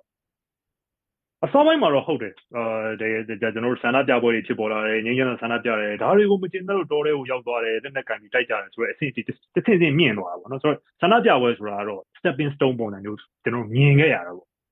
အခုအချိန်ကျတော့ငါတို့လက်နဲ့ကန်ပြီးတိုက်နေပြီမဟုတ်လား စကိုင်းမှာလည်းချနေပြီတနင်္လာရီမှာလည်းချနေပြီအာဟိုမှာဒီမှာအကုန်လုံးကျွန်တော်တို့ချနေကြတယ်ဆိုတော့ဒီမျိုးပေါ်မှာဆန္ဒပြရတယ်လိုသေးလားဆိုတော့တချို့ကြတော့မေးခွန်းထုတ်ကြတယ်ဆိုတော့တချို့ PDF တွေကြတော့ဘယ်လိုမေးလဲဆိုတော့ဟာမင်းတို့ဟိုမျိုးပေါ်မှာဆန္ဒပြနေတဲ့လူတွေတက်တည်ရှင်တော်ရဲဆင်းလာတယ်ဘာလို့မျိုးပေါ်မှာဆန္ဒပြမလို့တော့ဘူးလို့ပြတယ်ဆိုတော့အဲ့ဒီအယူဆမျိုးလည်းရှိပြန်ပါတော့ဆိုတော့ခုနကကျွန်တော်မေးနေတာဆန္ဒပြပွဲတွေကတကယ်ရောလိုသေးလားဆိုတော့10မိနစ်ကိုကိုမရဆိုတော့ okay ဆိုတော့ okay ကျွန်တော်ဟိုဟိုပါ ကျွန်တော်တို့ဟိုနူးတော်လိုင်းကြီးမှာဟိုပန်းတိုင်နှစ်ခုရှိတယ်ဗျတကူကဆေးအာနာရှင်စနစ်မှန်သမျှအာနာရှင်ဟိုသမျှချုပ်ငိမ့်ဖို့ပေါ့တနည်းအားဖြင့်စကားစားတွေ့ကြဖို့ပေါ့ဗျာဒါပေမဲ့အာနာရှင်စနစ်ဟိုသမျှချုပ်ငိမ့်ဖို့နောက်တစ်ခုကကျွန်တော်တို့မှာပါပါလဲဆိုရင် Federal Democracy စနစ်တည်ဆောက်ဖို့ကျွန်တော်တို့ကကျွန်တော်တို့မလိုချင်တော့ကျွန်တော်ဖျက်ဆီးမယ်ကျွန်တော်ဖြိုချမယ်ကျွန်တော်လိုချင်တော့ကျွန်တော်တည်ဆောက်ရမယ်ဆိုတော့ဟို concept ကလည်းနူးတော်လိုင်းမှာရှိနေလို့ကျွန်တော်ယုံတယ်အဲ့တော့ကျွန်တော်တို့လိုချင်တာတွေကိုတည်ဆောက်နိုင်ဖို့အတွက်ဆိုရင် non violence ပေါ့ဟိုဒီနေရာမှာတော့အကြမ်းမဖက်လှုပ်ရှားမှုလို့ပြောရင်စကားလုံးတွေက ဟိုအရန်ရောထွေးကုန်မယ်ကျွန်တော်ပြောချင်တာကလူလူအာနာဖီဆိုင်လှုပ်ရှားမှုတွေပေါ့နော်ဆိုတော့အဲ့ဒီအရာတွေကလိုတယ်ဗျအဲ့ဒီနီလန်းကအဲ့ဒီတိုက်ပွဲနီးနာကဟောဒီနွေဦးဒေါ်လာကြီးထဲမှာလည်းလိုတယ်နွေဦးဒေါ်လာကြီးအလွန်ပြန်လဲတီချော်ကြီးကာလမှာလည်းလိုတယ်တနည်းအားဖြင့်ကျွန်တော်တို့တိုင်းပြည်ကအခုချိန်မှာစစ်ပွဲကိုရွေးလိုက်ပြီဒီကဟိုဟိုအားလုံးကလက်ခံကြမလို့ကျွန်တော်ထင်တယ်ကျွန်တော်အားလုံးကစစ်ပွဲသတင်းကိုပဲစောက်ဖတ်နေရကျွန်တော်တို့ရဲ့ Facebook တွေကစစ်ပွဲနဲ့ပတ်သက်တဲ့သတင်းတွေပဲဆိုတော့ဒီလိုအနေအထားမှာ ကျွန်တော်တို့ကနန်းပိုင်လန်လှုပ်ရှားမှုတွေခုနကလိုလူလူကိုပို့ပြီးတော့ကျွန်တော်တို့ empower လုပ်နိုင်တယ်တနည်းအားဖြင့်ပြောရရင်ကျွန်တော်တို့သွားကျင်တဲ့ democracy နဲ့ federal ကိုတည်ဆောက်နိုင်တဲ့လှုပ်ရှားမှုကခုနကနန်းပိုင်လန်နီးနာတွေပဲလို့ကျွန်တော်မြင်တယ်အဲ့ဒီရဲ့ concept တွေအဲ့ဒီရဲ့ user တွေလို့ကျွန်တော်မြင်တယ်အဲ့တော့အဲ့ဒီနန်းပိုင်လန်လှုပ်ရှားမှုတွေဆက်ရှိဖို့ဆိုရင် debate တွေကမြေပြင်မှာလိုလိုတယ်ဘာကြောင့်လဲဆိုတော့လူလူကိုသူကလွှင့်စော်နိုင်တယ်စီးရုံးနိုင်တယ်သတင်းစကားပေးနိုင်တယ်ဆိုတော့ကျွန်တော်ထင်တယ်ဒီတပိတ်လှူရှားမှုတွေကတော့ဆီယနာရှင်တိုက်ပွဲအတွက်ကောနောင်တစ်ချိန်တက်လာတော့အစိုးရမှန်သမျှအတွက်ကောအဆက်ဆက်တိုင်းမှာလိုနေဦးမှာပဲဗျဟုတ်ဟုတ် ဆိုတော့နောက်ထပ်ကျွန်တော်တို့နောက်ထပ်ထပ်တက်လာလာလက်တန်တော့အစိုးရတွေအတွက်ပါကုနလင်းကကြိုပြောသွားတာပေါ့နော်ခုရင်6ဦးမှာကျွန်တော်တို့ဆန္ဒပြကြရပြီမလားဟုတ်ကဲ့ဟုတ်ကဲ့ဟုတ်ကဲ့ပါဟုတ်ကဲ့အဲဆိုတော့ဟိုတချို့ဟိုဒီချောင်းဦးဆိုပြီးတော့ကျွန်တော်ရှင်းမှာမအေးမြင်လဲအဲ့အဲ့ကိစ္စကိုထည့်ပြီးပြောသွားတာပေါ့နော်တချို့အဲ့တဲ့တင်းကိုမသိလိုက်တဲ့လူတွေရှိမှာပါဆိုတော့အဲ့တဲ့တင်းကိုတက်တာကတော့တချို့ဒီဘက်အခုနောက်ပိုင်းနာမည်ပေးထားတဲ့တော်လန်တော်လန်ရေးမီဒီယာကိုနာမည်ပေးထားတဲ့မီဒီယာတွေအသိမတက်လိုက်တာတက်လိုက်တာမတွေ့ရဘူးပေါ့နော် ဒါပေမဲ့အဲ့ဒီမှာအာ to me စာစဉ်ပေါ့နော်အဲ့ဒီကနေပြီးကျွန်တော်တို့တက်တာတွေ့တယ်နောက်တစ်ချို့အဲ့လိုသတင်းသတင်းစာမျက်နှာအသေးလေးတွေကနေပြီးတော့အဲ့ဒီကိစ္စတက်တက်တက်တက်ပါတယ်ဆိုတော့အဲ့ဒါတော့ဒေတာကာကွယ်ရေးတပ်ဖွဲ့ကိုဒီဒေတာခံတွေကဆန္ဒပြကြတချို့ကြောင့်လဲ okay ဒီ NUG လောက်ကအဖွဲတွေဒီတကယ်တော်လိုင်းလုပ်နေတဲ့အဖွဲ့တွေကိုဆန္ဒပြတယ်ဆိုတာကဥပမာကျွန်တော်တို့ PNO လောက်ခဲ့တယ်လို့မျိုး တော့ဒီ KNDF တို့ဆန္ဒပြတယ်လို့မျိုးလားလောက်ကြံတဲ့ဆန္ဒပြပွဲတွေလားဆိုပြီးတော့အာဆိုမေးကြတာပေါ့နော်ပြောကြတယ်ဒီပုံမှာထပ်ပြီးတော့ပုံဖြစ်ကိုအချင်းချင်းကြားမှာပဲပြဿနာတွေတက်အဲ့လိုဖြစ်ကြတာတကယ်တကယ်ဆန္ဒပြခဲ့တာပါအဲ့ဒီမှာဆိုတော့နောက်ပိုင်းမှာဆိုရင်လည်းကျွန်တော်တို့ဒီ wallet တို့ဘာလို့မှအဲ့လိုမျိုးတွေကျွန်တော်တို့ကြားရပါတယ်ဆန္ဒပြမယ်ဆိုပြီးပေါ်လာတဲ့တကယ်လုံနေတဲ့လူတွေတကယ်ခံနေရတဲ့လူတွေကဆန္ဒပြမယ်ဆိုတော့ကျွန်တော်တို့တကယ်ဖြစ်နေပါတယ်အဲ့ဒါတော့ဒီကြည့်နေတဲ့သူတွေနဲ့ရှိမှချောင်းဦးချောင်းဦးလို့ပြောသွားတဲ့ကိစ္စကိုမသိမှဆိုတော့ကျွန်တော်ထပ်ပြီးတော့နည်းနည်းလေးရှင်းပြတာပါဗျဆိုတော့ကျွန်တော်တို့ Mac Christine စီကိုတွားလိုက်အောင်ပါ ဆိုတော့အခုနကကိုနန်းလေးပြောသွားတယ်မှလည်းပါတယ်တရင်တွေကအရန်များနေတယ်တရင်တွေကအရန်ခုန်နေတယ်အဲကျွန်တော်ပြောတော့ပြောနေတာပဲကျွန်တော်တို့ Sally တယောက်ပြောမှုတဲ့အဲကိစ္စတခုဆိုရှိအဲ့ဒါဘာလဲဆိုတော့ငါမိုင်လေးမှာတင်ထားတာပဲနင်တို့မှဝင်မကြည့်တာဆိုတဲ့ကိစ္စမျိုးပေါ့နော်ဆိုတော့ဆိုတော့တွန်လိုင်းရဲ့ဖွဲ့တွေကလည်းအခုနောက်ပိုင်းဘယ်လိုဖြစ်နေလဲဆိုတော့ကျွန်တော်တွန်လိုင်းကလူတွေနဲ့စကားပြောတော့ဟာငါတို့တွေပြောနေတာပဲလူတို့ကမှနားမထောင်တာလူတို့ကငါတို့ထဲဝင်မကြည့်တာငါတို့တွေစာတွေမှမဖတ်တာငါတို့တွေကတော့အမြဲတမ်းပြောနေတာပဲဆိုပြီးတော့ပြန်ပြောကြတာမျိုးလည်းရှိတယ်ရော ဆိုတော့ဒါမဲ့ပြဿနာအခုဆိုရင်ဒါကျွန်တော်တို့ရေမရဘူးမီးမရဘူးဟိုတချို့တချို့နေရာတွေဆိုကျွန်တော်တို့တနားရီလောက်လာတာမှ15မိနစ်လောက်နှစ်ချိန်တက်တယ်ဆိုတာမျိုးတွေအဲဖြစ်နေတော့လူတို့ကလည်းဟိုနေ့စဉ်စားဝတ်နေရေးဒီမီးလာပြီးမီးမှန်တဲ့အချိန်မှာအပြေးအလွှာချက်ရရေးကိုဒါကြိုးပမ်းနေရပြီးတော့ okay အာစခွေလီကုန်း2023ဆိုတော့ခေါင်းထဲမှာမှတ်တာထမင်းချက်တစ်ဖက်မှာထမင်းချက်ဒါမျိုးသွားနေရတာပေါ့နော်ဆိုတော့အဲ့လိုမျိုးတွေဖြစ်နေတော့ဒီတော်လိုင်းရေးဖွဲ့တွေကပြောနေတဲ့စကားတွေက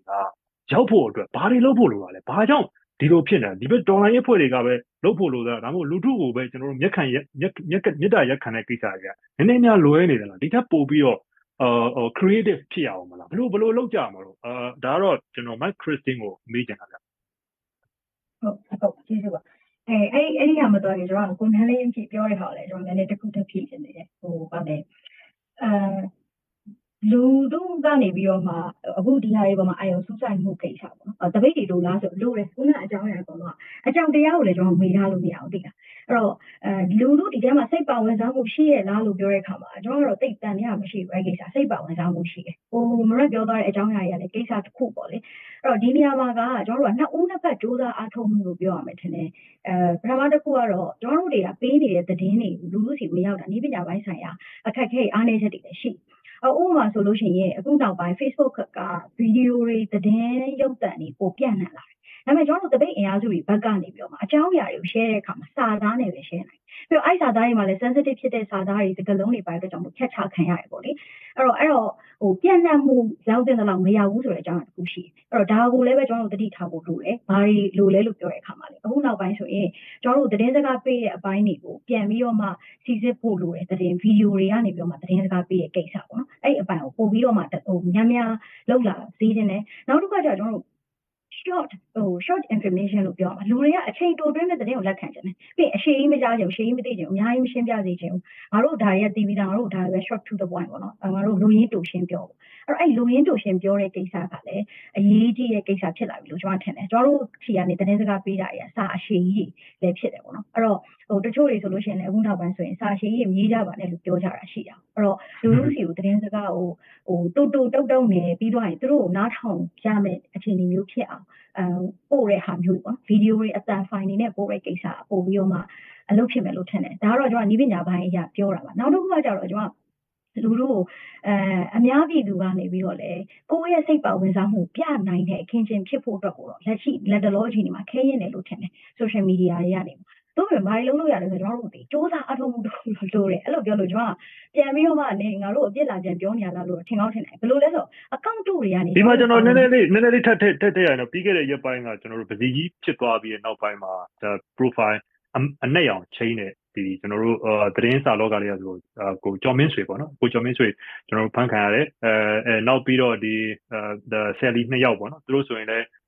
profile အနက်ရောင်ချိန်လို့ဆိုပြီးဖန်ခံရတယ်တချို့ဒီစက်ကောင်စီဘက်ကဝါဒဖြန့်တဲ့မီဒီယာအယောင်ဆောင်ထားတဲ့ဝါဒဖြန့်တဲ့မီဒီယာတွေရှိပါတယ်ဆိုတော့သူတို့ဆိုရင်ဘာတွေရေးကြတယ်လဲဆိုတော့ဒါတွေကမဖြစ်နိုင်ဘူးပေါ့ဒါဒါ profile image chain တို့ဟိုဟိုဖန်ခံရတယ်ဆိုတော့ဒါမဖြစ်နိုင်ဘူးစက်ကောင်စီကအလောက်တော့မလုပ်ဘူးဆိုတာမျိုးတွေပြောကြတာမျိုးရှိတယ်ဆိုတော့ဒီမှာတချို့ကအာဒီလိုမျိုးအနှက်ရောင် chain တို့ဟိုဟိုဖန်ဖန်ခံရတယ်ဆိုတာမျိုးတကယ်ဖြစ်သလားဆိုတာမျိုးတွေတချို့မသိလိုက်တာမျိုးတွေကျွန်တော်လာမေးကြတာမျိုးတွေလည်းရှိပါတယ်ဆိုတော့စက်ကောင်စီကတကယ်ဖန်ပါတယ်ဆိုတော့အဲ့ဒီကြားတဲ့ကကိုကို ဟိုဟိုလူတို့ဟာဒီတော်လိုင်းရေးထဲမှာတော်လိုင်းရေးလှိုင်းထဲမှာပေါ့နော်ဟိုလိုက်ပါမျိုးအနေနဲ့စူးစမ်းနေရတာဆိုတော့အဲ့ဒါလေးကျွန်တော်ထပ်ပြီးတော့ဖြည့်ပြောချင်တာမက်ခရစ်စင်စက်ပါအောင်လေအဲ့တော့ကျွန်တော်အဲ့ဟာကိုဟိုဘာဖြစ်စေချင်လဲဆိုတော့အပြန်အလှန်အားပေးမှုလိုပဲကျွန်တော်တို့ကလေလူတို့ကိုကျွန်တော်တို့ကဒီတော်လိုင်းတွေမှာပါဝင်နိုင်အောင်ပါဝင်ခြင်းစိတ်ရှိအောင်ကျွန်တော်တို့တော်လိုင်းသမားတွေတော်လိုင်းအင်အားစုတွေကနီးမျိုးစုံနဲ့လုပ်နေတယ်လို့လူတို့ကိုယ်တိုင်ကလည်းကျွန်တော်တို့ ရဲ့ဒီပါဝင်မှုတွေပိုအားတက်အောင်ဒီဟာတွေရဲ့ဒီဟိုပုံဖော်နေမှုကိုအသက်ဝင်အောင်အားပေးမှုလိုတယ်အဲ့ဟာဒီကိုကိုယ်တိုင်ဖြစ်ပါတယ်ဆိုတော့အကောင့်စစ်တွေနဲ့မှမလို့အကောင့်တူတယ်အများကြီးနဲ့ကျွန်တော်တို့ဒီလှုပ်ရှားမှုတိုင်းကိုပါဝင်မှုလိုတယ်အခုနောက်ပိုင်းကျတော့ဘာဖြစ်လာလဲဆိုလို့ရှိရင်ကျွန်တော်တို့ဒီ symbolic strike လို့ခေါ်တဲ့ online ပေါ်ကနေပြီးတော့မှကျွန်တော်တို့ပါဝင်မှုကိုပြတဲ့ campaign တွေမှာတော့နည်းတယ်လို့ထင်ရတဲ့ပုံစံမျိုးကိုဖြစ်လာဒါကလည်းစစ်ကောင်စီလိုချင်တဲ့အခင်းအကျင်းတစ်ခုပေါ့နော်အဲ့တော့အဲ့ဒီခံတွေပါကျွန်တော်တို့အကောင့်စစ်တွေဖြစ်ဖို့မလိုဘူး လူပုံစံတွေပါဖို့မလိုဘူးဒါပေမဲ့အတန်ထုတ်တယ်ပြောဆိုတယ်အင်အားစုတစ်ခုကနေပြီးတော့မှဒီဓမ္မဘက်ကနေပြီးတော့မှရှိနေတဲ့အင်အားစုတွေအကုန်လုံးကပြည်သူလူထုကြီးကိုယ်တိုင်ကလည်းပါဝင်နေရဲဆိုတဲ့ဟာကိုပြဖို့တော့လိုပါတယ်အဲ့တော့ကျွန်တော်ကခုနကရှေ့ကမေးခွန်းလေးနဲ့ပါချိတ်ချင်တယ်ကျွန်တော်တို့လိုတယ်အမ်တပိတ်တွေကမဖြစ်မနေလိုနေဘာဥပမာတစ်ခုပေးရရင်ဘာလဲဆိုတော့ကျွန်တော်တို့မြန်မာအတိုင်းဝိုင်းမှာတစ်ခုရှိရယ်ဘာလဲပြန်မပြောစီချင်ဘူးမိပါဘူးသိလား တပိတ်လောက်တယ်ဆိုတာလည်းအဲ့တိုင်းပဲပြန်ပြောတာပဲကျွန်တော်တို့ဒီပြောဖို့လိုတယ်ပြန်ပြောတတ်ဖို့လေအဲကျွန်တော်တို့ဆိုဆိုဆုံးမတဲ့ဟိုကနေငါ့ကိုပြန်မပြောနဲ့ဆိုတဲ့ဟာနဲ့ဆုံးသွားခဲ့ပြီဒီလူတွေကတော့တန်မထွက်ရအောင် စစ်ကောင်စီကအုပ်ချုပ်နေတဲ့ပုံစံဒီအုပ်ချုပ်ဖို့ကြိုးစားနေတဲ့ပုံစံလေးဒါပဲငါ့ကိုလည်းပြန်မပြောနဲ့ပြန်ပြောရင်လို့ပေမယ်ဆိုတဲ့ဟာကို social media ပေါ်မှာပါလုပ်ဒါကိုကျွန်တော်တို့အာခံကြပါအာခံကြဖို့လိုပါတယ်အဓိကကအာခံနီးပေါင်းစုံရှိတယ်ကျွန်တော်တို့စူဆောင်ပြီးတော့မှသွားလိုက်တာကိုတကားကိုစောင့်ပိတ်ပြီးတော့မှမိဘကိုလှုပ်ပြီးသွားလိုက်တာဒါအာခံတာပဲသူသိတယ်ဒါငါတို့နေနေဟိုသမီးရောအမေကိုအာခံနေပြီနော်မမေကိုလုံးဝမကြိုက်ဘူးနော်ဆိုတော့တကားဆောင်ပိတ်ပြီးခြေဆောင်ပြီးကြလိုက်တာအဲ့တော့ social media ပေါ်မှာပါတာကလည်းဒီစစ်ကောင်စီကိုအာခံတာပဲဒါပေမဲ့အဲကိုရုပ်ကိုအတန်ကိုမျက်နှာနဲ့မှမဟုတ်ပါဘူးအဲ့တော့ကျွန်တော်ဒီကနေပြည်သူလူထုကိုဟိုတိုက်တွန်းခြင်းနဲ့အခန့်မှာဒါပေမဲ့အကောင့်စစ်ဖြစ်ဖို့မလိုပါဘူးအကောင့်တို့တွေကိုတော့ကျွန်တော်တို့စူးစမ်းအထောက်မှုကိုအပြန်အလှန်ပြဖို့လိုပါတယ်ကျေးဇူးပါဟုတ်ကဲ့ကျေးဇူးပါမခရစ်တင်ဆိုတော့အခုနကပြောသွားတာတွေထဲမှာတော့ကျွန်တော်တို့ဟို online ပေါ်မှာအာမြင်နေရမယ်ကိစ္စတွေပေါ့နော်ဆိုရှေ့မှာလည်းတချို့ ဟိုဒေါ်လာရင်းနဲ့ပတ်သက်ပြီးတော့နာမည်ကြီးတဲ့သူတွေဒီကိစ္စတွေကိုဟိုအကျယ်တဝင့်ပြောခဲ့တာတွေရှိပါတယ်သူသိတဲ့လူတွေကလည်းသိပြီးတော့လိုက်လုပ်ကြတယ်အကောင့်တူတွေဖွင့်ကြတယ်ပေါ့နော်အာအကောင့်တူတွေဖွင့်ကြပြီးတော့ဒီ Facebook ပေါ်မှာဥပမာဆိုတော့ကျွန်တော်တို့ search box မှာတစ်ခုခုရိုက်ရိုက်ရှာလိုက်လို့ရှိရင်တက်နေအောင်ဆိုတာမျိုးလုပ်ကြလေရှိတယ်ပေါ့နော်ဆိုတော့မသိရလူတွေကြတော့လည်းတိတ်အာယုံဟိုဂရုမစိုက်ပါဘူးဒါပေမဲ့တကယ်မြေပြင်မှာဖြစ်နေတဲ့အခုနကပြောသွားတဲ့ချောင်းမှာဖြစ်နေတဲ့ဒီဆန္ဒပြပွဲလိုကိစ္စမျိုးအဲဟိုကျွန်တော်တို့ရင်းမပင်လို့ဖြစ်ခဲ့တဲ့ကိစ္စမျိုးတွေဆိုတော့ဒီ ပကပတွေပအဖတွေနဲ့မြေပြင်မှာတကယ်ဖြစ်နေတဲ့ကိစ္စတွေအဲ့ဒါတွေကကြတော့တကယ်ဖြစ်နေတာလည်းဟုတ်တယ်တကယ်လည်းမှန်နေတယ်သိလဲသိနေတယ်ကျွန်တော်တို့ NUG ကအထူးသဖြင့်တော့ MOD ကဆိုတော့ဒီမှာဆိုကျွန်တော်တို့ကိုမိုက်ကယ်ကိုမိုက်ကယ်အလှည့်ပါဗျဆိုတော့အဲသိလဲသိနေတယ်ဒီကိစ္စတွေကိုကျွန်တော်တို့ဒါမဲ့ထုတ်ပြီးတော့ပြောတာမျိုးပေါ့နော်ဆိုတော့ကျွန်တော်တို့ကတော့ဒီကိစ္စကိုဟိုဖြည့်ရှင်းနေပါတယ်အရေးတွေကိုပြောနေပါတယ်အထူးသဖြင့်တော့ acknowledge လုပ်ဖို့ပေါ့နော်ဒီကိစ္စကတကယ်ဖြစ်နေတာဆိုကျွန်တော်တို့သိနေတယ်ဆိုတာမျိုးတွေအဲကျွန်တော်တို့မကြားရဘူးမတွေ့ရဘူးပေါ့နော် ဒါပေမဲ့တကယ်မြေပြင်မှာဖြစ်နေတယ်ဆိုတော့ကျွန်တော်တို့လည်းပြောတယ်ခုနမိုင်းမေးဆိုကျွန်တော်တို့ပြောသွားတာပဲအဲဆိုတော့ဒါမျိုးတွေမြင်နေရတယ်ပေါ့နော်ဆိုတော့ကိုမိုက်ကက်ကိုမိုက်ကက်ကိုကျွန်တော်မေးချင်တာကဒီအောက်အောက်ခြေမှာဖြစ်တဲ့ဒီလိုမျိုးအလွဲအမှားတွေအဖွဲ့တွေအလွဲအမှားတွေပြည်သူတွေကထောက်ပြတာတွေကိုဘလောက်အတိုင်းအတာထိအေးအေးယူတာမျိုးအရေးအရေးတယူလောက်တာမျိုးရှိတယ်လေပေါ့နော်။ဒါမှမဟုတ်မဖြေရှင်းနိုင်ဘူးဆိုခဲ့လို့ရှိရင်ဘာကြောင့်မဖြေရှင်းနိုင်ရတာလဲဘလို့အခက်အခဲမျိုးတွေရှိနေတာလဲ MOD မှာဟုတ်ကဲ့ကွန်မရက်ကျေးဇူးတင်ပါတယ်မိခွန်းအတွက်အဲ့တော့ဟို ချိန်ရတဲ့အကန့်အသတ်တော့ရှိတာပေါ့လေဟုတ်ဒီတော်လန်ကြီးတစ်စုံလုံးကိုကျွန်တော်တို့ကြည့်တဲ့အခါမှာတော်လန်ကြီးဒီအရန်မြန်တယ်ဗျအပြောင်းလဲရလဲအရန်မြန်တယ်တွားတွေနှုံရတယ်အရန်မြန်တယ်အဲ့တော့ကျွန်တော်တို့ဒီတော်လန်ကြီးကိုစကြည့်လိုက်တယ်ဆိုရင်ဒီတော်လန်ကြီးကပြည်သူကဥဆောင်တာပြည်သူကဥဆောင်ပြီးတော့ဖြစ်လာသေးတဲ့တကယ်လှိုင်းလုံးကြီးနောက်ကိုမှဒီအခုတော်လိုင်းမှာပါဝင်ပတ်သက်နေတော့စုအဖွဲ့တွေနောက်ကနေလိုက်ရ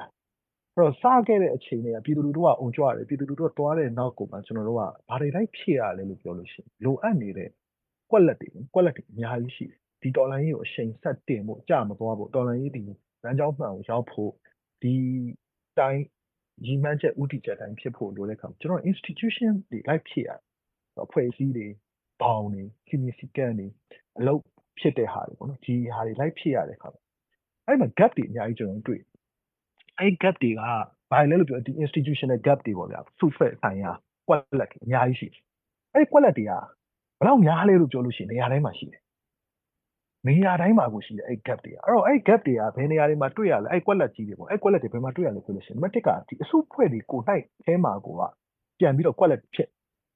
လူအားဖြင့်ကွက်လက်တွေရှိနေမယ်ဗျနေရာအားဖြင့်ကွက်လက်တွေရှိမယ်စုဖွဲ့လိုက်သေးကအဒံပေါ့နော်ပုံစံမကြတဲ့ quality ရှိဘူးပြီးတော့အဲ့ ကောင်တွေကစုဖွဲ့လိုက်ပြီးဒီစုဖွဲ့ကြီးတွေဖွဲ့လိုက်ပြီးတော့ဒီ quality ကိုထိုးထည့်လိုက်တယ်အဲ့ကောင်တွေတခါတည်းဟိုဖြည့်တန်းထွက်သွားတာမဟုတ်ဒီဒီ quality ကိုဖြည့်လိုက်တဲ့အစုဖွဲ့တွေလဲပတ်ဖို့အတွက်စီးနီးစီးကမှုပေါင်းတွေထပ်လို့တော့စီးနီးစီးကနေမူပေါင်းတွေသူတို့ operate လုပ်မဲ့ဒီကောင်ကြီးတွေလဲပတ်မဲ့ဟိုဒီစနစ်တွေပေါ့ဒါတွေလည်းကျွန်တော်တို့လိုက်ဖြည့်တာအဲ့တော့ဟို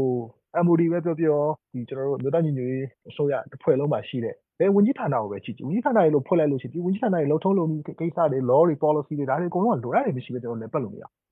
တော်လည်းကြီးကဝန်တိုင်းအချိန်နဲ့အကုန်ပြေးနေတဲ့အချိန်မှာနောက်ကနေအဲ့ဒါတွေတွဲလိုက်လိုက်ဖြစ်ရ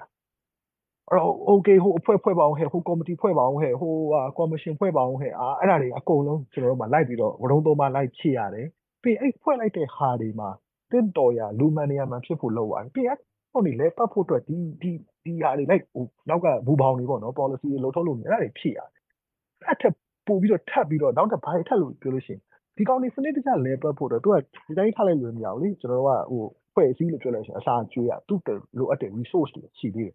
အမျိုးလုံးထဲမှာမြင်တော့ပြောလို့ဆိုဥပမာ PDF တွေပေါ့နော်ကျွန်တော်တို့ရဲ့ရင်းပေါ်တွေဒီတိုက်တဲ့ PDF တွေ PDF တွေတက်ပုံကြဖို့တက်ခုဖြစ်ဖို့တက် institution တစ်ခုဖြစ်တက်တက်မတော်တစ်ခုကျွန်တော်ထူထောင်တာဖြစ်တယ်ဒီဟာဒီအင်မတန်ကိုရှုပ်ထွေးပွေလီတော့ရန်ကိုခက်ခဲတော့ဟိုကိစ္စဖြစ်တယ်ပေါ့လက်နက်ကင်တိုက်မှာလားမတိုက်ဘူးလားအဲဆုံးဖြတ်ချက်ချတယ်။ဥပ မာအဲ့မှာကျွန်တော်တို့က NUG ကဆုံးဖြတ်ချက်ချမချသေးတဲ့အချိန်မှာတိုက်တဲ့ကောင်တွေတိုက်ကုန်ပြီအကုန်လုံးရဲဘော်တွေကသွားတယ်။အဲ့နောက်ကကျွန်တော်တို့က NUG က MOD နောက်ကလိုက်ရတယ်။အဲ့မှာ institution ဒီတက်ကိုဖြည့်ရတယ်။တက်မှာလိုအပ်သောစီကံစီစနစ်တွေမူပေါင်းတွေကြဖို့ဖြစ်အဲ့မှာတက်ကိုကျွန်တော်လေပတ်ဖို့အတွက်လိုအပ်သောလက်နက်တက်ဆင်မှုရေခါထောက်ပံ့မှုဒီဟာတွေကျွန်တော်တို့ဖြည့်ရ။အဲ့တော့အဲ့ဒါကြီးတွေအကုန်လုံးလေနေဖို့ပြည့်နေဖို့ဆိုတဲ့ကိစ္စတော်တော်လေးခက်ခဲတယ်။ဒါကကျွန်တော်တို့ကတိဆောက်ရေးအပိုင်းကိုပဲပြောသေးတာ။ဟုတ်အဲ့ဒါတွေကကျွန်တော်တို့ကရှေ့တိုင်းလဲမှန်တယ်လို့ပြောလို့မရဘူး ဒီမှာ institution တစ်ခုထူထောင်လာပြီထူထောင်လိုက်တဲ့တက်မှန်သွားတယ်လို့ပြောလို့မရဘူးအဲ့ဒီ institution လဲပတ်ဖို့တဲ့မူပေါင်းကျွန်တော်တို့ကချလိုက်တယ်မူပေါင်းတက်မှန်သွားတယ်လို့ပြောလို့မရဘူးအဲ့မူပေါင်းရဲ့နောက်ကမှလဲပတ်ဖို့အတွက်လက်နဲ့ရိတ်ခါပါနေစုဆောင်းတယ်စုဆောင်းနေတာပြောတယ်ကျွန်တော်ချက်ချင်းတက်ပြီးပြည့်သွားတယ်လို့ပြောလို့မရအဟာထက်ထက်ပြီးတော့ဖြစ်လာအဲ့ process တွေတစ်ခုလုံးကြီးလဲပတ်ဖို့အတွက်ဒီအဟာတွေရှိနေတဲ့ကာလပတ်လုံးအဲ့ပုတ်တိုက်မှုတွေရှိမယ်အဲ့ပြဿနာတွေရှိအဲ့ဒါတွေကို MOD ကအတိမှတ်မပြုဘူးလားနည်းနည်းလေးကဲပြပြုထားသလားပြောတယ်မဟုတ်မှမဟုတ်ဘူးကျွန်တော်တို့အတိမှတ်လည်းပြုတယ် နေတိုင်းနေတိုင်းကျွန်တော်တို့ရဲ့အလုပ်ဒီဒီဖြစ်နေတဲ့ပြဿနာတွေကိုဘယ်လိုကိုင်တွယ်ဖြေရှင်းမလဲဆိုတဲ့ဟာဒီနံပါတ်1ကိစ္စဖြစ်အဲ့တော့အဲ့လိုဟာကျွန်တော်စကားဖြတ်လို့ကျွန်တော်မတ်အေးမြင့်မတ်အေးမြင့်စီကိုကျွန်တော်ပြန်သွားတော့မဟုတ်ပါဘူးဒီမှာကိုမိုက်ကယ်ခုနပြောတော့ဟုတ်ကဲ့ကျွန်တော်ဒီပြဿနာတွေကိုသိတယ်တကယ်လဲကင်တွယ်နေတယ်နေ့စဉ်နေ့စဉ်လဲသိနေတယ်ဆိုတော့ကျွန်တော်မတ်အေးမြင့်ကိုပြန်ပြောပြန်ပြောပြတာပါမတ်အေးမြင့်ကျွန်တော်တို့ဒီဘက်က MOD ကပြောပါတယ်တကယ်ဖြစ်နေတဲ့ပြဿနာတွေကိုနေ့တိုင်းတိုင်းသိတယ်ကင်တွယ်နေရလို့ဆိုပါတယ်ဆိုတော့ နောက်တစ်ချိန်ကျွန်တော်တို့နောက်တစ်ချိန်ထပ်လာမဲ့ပွဲတွေမှာတော့အာကျွန်တော်နည်းနည်းပို့ပြီးတော့ specifically ထပ်သွားကြတာပေါ့ဒီဒီပြဿနာဒီပြဿနာကိုတင်လာတာလေးရလောက်ရှိပြီအခုထိမပြီးသေးတာမျိုးမပြီးသေးဘူးဆိုတာမျိုးပေါ့အဲ့တော့ကျတော့အဲ့ဒါကျွန်တော်မဲအင်းကိုခေါ်ပြီးတော့ပြန်ပြောပြတာပါအာကိုမကကျွန်တော်နောက်ထပ်အာ2မိနစ်လောက်အချိန်ပေးပါဦးမဗျဟုတ်ကဲ့ခင်ဗျအဲ့တော့ကျွန်တော်တို့ခုနက ကျွန်တော်အရှင်းမပြောခဲ့တဲ့ဟာတော့ဒါ institution တွေတိဆောက်တဲ့အပိုင်းကိုကျွန်တော်ပြောခဲ့အဲ့မှာကျွန်တော်တို့ရဲ့အခုကြုံတွေ့ရတဲ့ပြဿနာကဘာလဲလို့ပြောလို့ရှိရင်တိဆောက်ခဲ့တဲ့ဒီ institution တွေကဘယ်လောက်ထိအာခိုင်မာတယ်လဲဘယ်လောက်ထိကောင်းလဲဘယ်လောက်ထိအဝင်ဝင်ကြဖြစ်တယ်လဲပေးထားချက်တွေနဲ့ဘယ်လောက်ထိအဝင်ဝင်ကြဖြစ်တယ်အဲ့ဒါကဒီအဖွဲ့အစည်းရဲ့အရေးပါဆုံးတော့နောက်ထပ်ဆုံးဖြတ်ချက်အရေးကြီးဆုံးအမှတ်တစ်ခုလို့ကျွန်တော်နားလေဒီဒီဒီဟာတွေတကယ်ကျွန်တော်တို့ကအရေးကြီးတော့ world တုန်းကကျွန်တော်တို့စောက်ပါတယ်ဒါပေမဲ့ အဲ့ဒါတွေမှန်နေလားမမှန်နေလားဆိုတော့ကျွန်တော်အရင်ကပြန်ဆက်ဆက်ရတယ်အမှန်နေချင်းမမှန်ချင်းကိုကျွန်တော်သိတာအဲ့ပြဿနာတွေကနေသိတာပေါ့ဗျာအဲ့ကောင်ကြီးအရင်မှန်တယ်ကောင်းနေတယ်ဘာပြဿနာမှမရှိဘူးဆိုလို့ရှိရင်တော့ပြဿနာနည်းပါအမမှန်ဘူးလွဲနေရဆိုလို့ရှိရင်တော့မလိုအပ်တဲ့ဟိုပြဿနာတွေရှိပါဘူးအဲ့မဲ့အဖွဲ့အစည်းတစ်ခုကရွေ့နေပြီဆိုလို့ရှိရင်တော့ရွေ့ရွေ့နေတဲ့ကာလပတ်လုံးကျွန်တော်တို့ကပုတ်တိုက်မှုရှိပုတ်တိုက်မှုရှိရင်တော့အပူဆိုတာရှိပါအဲ့အဖွဲ့အစည်းတွေကပူနေတယ်ဆိုတော့ရွေ့နေတယ်ဆိုတဲ့အဓိပ္ပာယ်ဒါပေမဲ့ရွေ့နေတာဟာမှာမလိုအပ်တဲ့အပူတွေထွက်လာပြီဆိုလို့ရှိရင်တော့ကျွန်တော်က ပြန်ဆန်းစစ်ရကိုကားကမလိုအပ်ပဲပူနေပြီဆိုလို့ရှိရင်တော့ဘာဖြစ်တယ်လဲကျွန်တော်ဆန်းစစ်ရမယ်အဲ့တော့ဆန်းစစ်သလားဆိုတော့မျိုးကုန်းကကျွန်တော်မှဆန်းစစ်တယ် NUG တစုံလုံးဒီအထူးသဖြင့်ကျွန်တော် MOD ပေါ့နော်ကျွန်တော် MOD ကိုကိုစားကြည့်တယ် MOD ဒီအာဒီနှစ်နှစ်အတွင်းမှာဘယ်လောက်ထိအလုပ်လုပ်လာနိုင်တယ်ဆိုတဲ့ကိစ္စကိုကဒီသူဒီပြင်ကျွန်တော်တို့ရဲ့ကာကွယ်ရေးကျွန်တော်တို့ PDF ပေါ့နော်ပြည်သူ့ကာကွယ်ရေးတပ်မတော်ရဲ့အလုပ်လုပ်ပုံတွေကိုကြည့်လို့ရှိရင်ဆရာတို့သိတာမြင်တာရှိတဲ့ result တွေကိုတွေ့ရလိမ့်မယ်လို့ထင်ပါတယ်။ ဘာကြောင့်လဲလို့ပြောလို့ရှိရင်ဘာမှမရှိတဲ့တနက်တက်လက်တောင်မရှိတဲ့အခြေအနေကနေဘာဆိုဘာမှမရှိတဲ့အာအနေမှာတစ်ချက်အခုတဲ့ရင်နေကျွန်တော်တို့ယာနဲ့ချီအများကြီးဖြစ်လာပြီ။တနိုင်ငံလုံးဒီပါကျွန်တော်တို့ကွက်ပြည့်နင်းပြီးတော့ကွက်ပြည့်တော့မယ်ကျွန်တော်တို့တိုက်ခိုက်ရေးစနစ်တကျပုံဖော်လာနိုင်ပြီ။အဲ့တော့ကျွန်တော်တို့ပျောက်ကြားဒီအဲမိုင်းဆွဲတာလောက်ကနေပါတကယ်ကို coordinated movement ပေါ့နော် coordinated attack တွေဖြစ်တဲ့အထိကိုကျွန်တော်တို့အလုပ်လုပ်လာနိုင်တယ်။အော်ဒီအပိုင်းမှာလည်းကျွန်တော်တို့ထုတ်ပြန်ကြေညာမဲ့ ဒီစစ်ပွဲဆိုင်ရာသတင်းချက်လက်တွေဆိုလို့ရှိရင်တနိုင်ငံလုံးအတိုင်းအတာနေနဲ့ဘယ်လောက်ထိအလုပ်လုပ်လာနိုင်တယ်ဆိုတော့ကျွန်တော်တို့ချပြလို့ရတဲ့ဟာရှိပါတယ်ပေါ့နော်။အဲ့ဒါဘာလဲလို့ပြောလို့ရှိရင်ကျွန်တော်တို့ကမပြင်းဘူးမပြောင်းဘူးရှိရင်းစွဲအတိုင်းအတာငုတ်တုတ်ထိုင်နေတယ်ဆိုလို့ရှိရင်ကျွန်တော်ဒီနေရာရောက်เสียအကြောင်းမရှိဘူး။ဟုတ်ကဲ့ဒုတိယ round ကိုကျွန်တော်တို့ဆက်သွားအောင်။အဲဆိုတော့ဒီမှာအာကျွန်တော်မက်အေးမြင့်စီကိုပြန်သွားခြင်းဆိုတော့ကျွန်တော်တို့ဒီနှစ်2023ရဲ့အာဒီလူမှုအတွက်ပေးထားတဲ့ကြွေးကြော်တန်က ဒါစခွေးနေကုန်2023ပေါ့2023ကတော့အဆုံးဖြတ်နှစ်ဖြစ်ရမယ်ပြောတာပေါ့နော်ဆိုတော့အော်ဒီမှာကျွန်တော်တို့ပြီးခဲ့တဲ့အဲအပတ်ကပေါ့နော်အာဒီပြောခဲ့တဲ့စကားတွေထဲမှာဆိုဒီနေ့ချက်ချက်ပြောခဲ့တာရှိပါတယ်အဲ့ဒါကဘာလဲဆိုတော့မျောမှန်းထားတဲ့ပမာဏထက်ဒီကျွန်တော်တို့ဧပြီလမှာ80ရာခိုင်နှုန်းလောက်တောင်ဒါအာပြီးမြောက်သွားပြီဆိုပြီးတော့ NUG ဘက်ကပြောရေးဆိုခွင့်ရှိသူပြောထားတာမျိုးပေါ့နော်ဆိုတော့စကွင်းဒီကုန်း2023ဆိုပြီးတော့ပြောတယ်ဆိုတော့တစ်ဖက်မှာကြတော့လေ ဒီကျွန်တော်တို့ပြီးခဲ့တဲ့ရက်ပိုင်းက BBC နဲ့အင်တာဗျူးမှာပေါ့နော်ဒါ David Matheson ပြောခဲ့တဲ့ဟာတခုရှိပါတယ်အဲ့ဒါကမှတ်မှတ်တသားပါပဲဆိုတော့ဒီကိစ္စကတော့ဒီတော်လိုင်းရေးကိုရက်ချိန်ပေးတင်သလားကိစ္စပါနော်ဆိုတော့ဘာလို့လဲဆိုတော့ကျွန်တော်တို့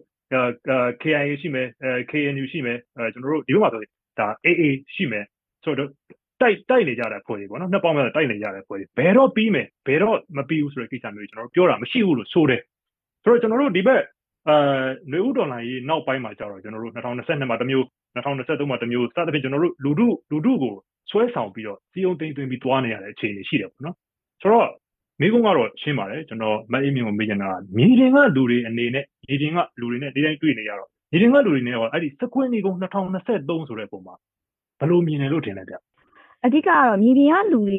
ရဲ့အဲ့ဒီအပေါ်ပါပေါ့နော်ကျွန်တော်အဲ့အနဲ့ပတ်သက်ပြီးတော့လဲ debate တွေအများကြီးထွက်ကြရပေါ့ဟို debate တွေမှာလဲတွေ့ကြတယ်ပြောစကွင်းဒီကုန်း2023အော်ကြတယ်ဒါပေမဲ့လူတို့ကရှင်းတယ်ပေါ့နော်သူက2023မှာပြီးမယ်လို့ရှုံတာမဟုတ်ဘူး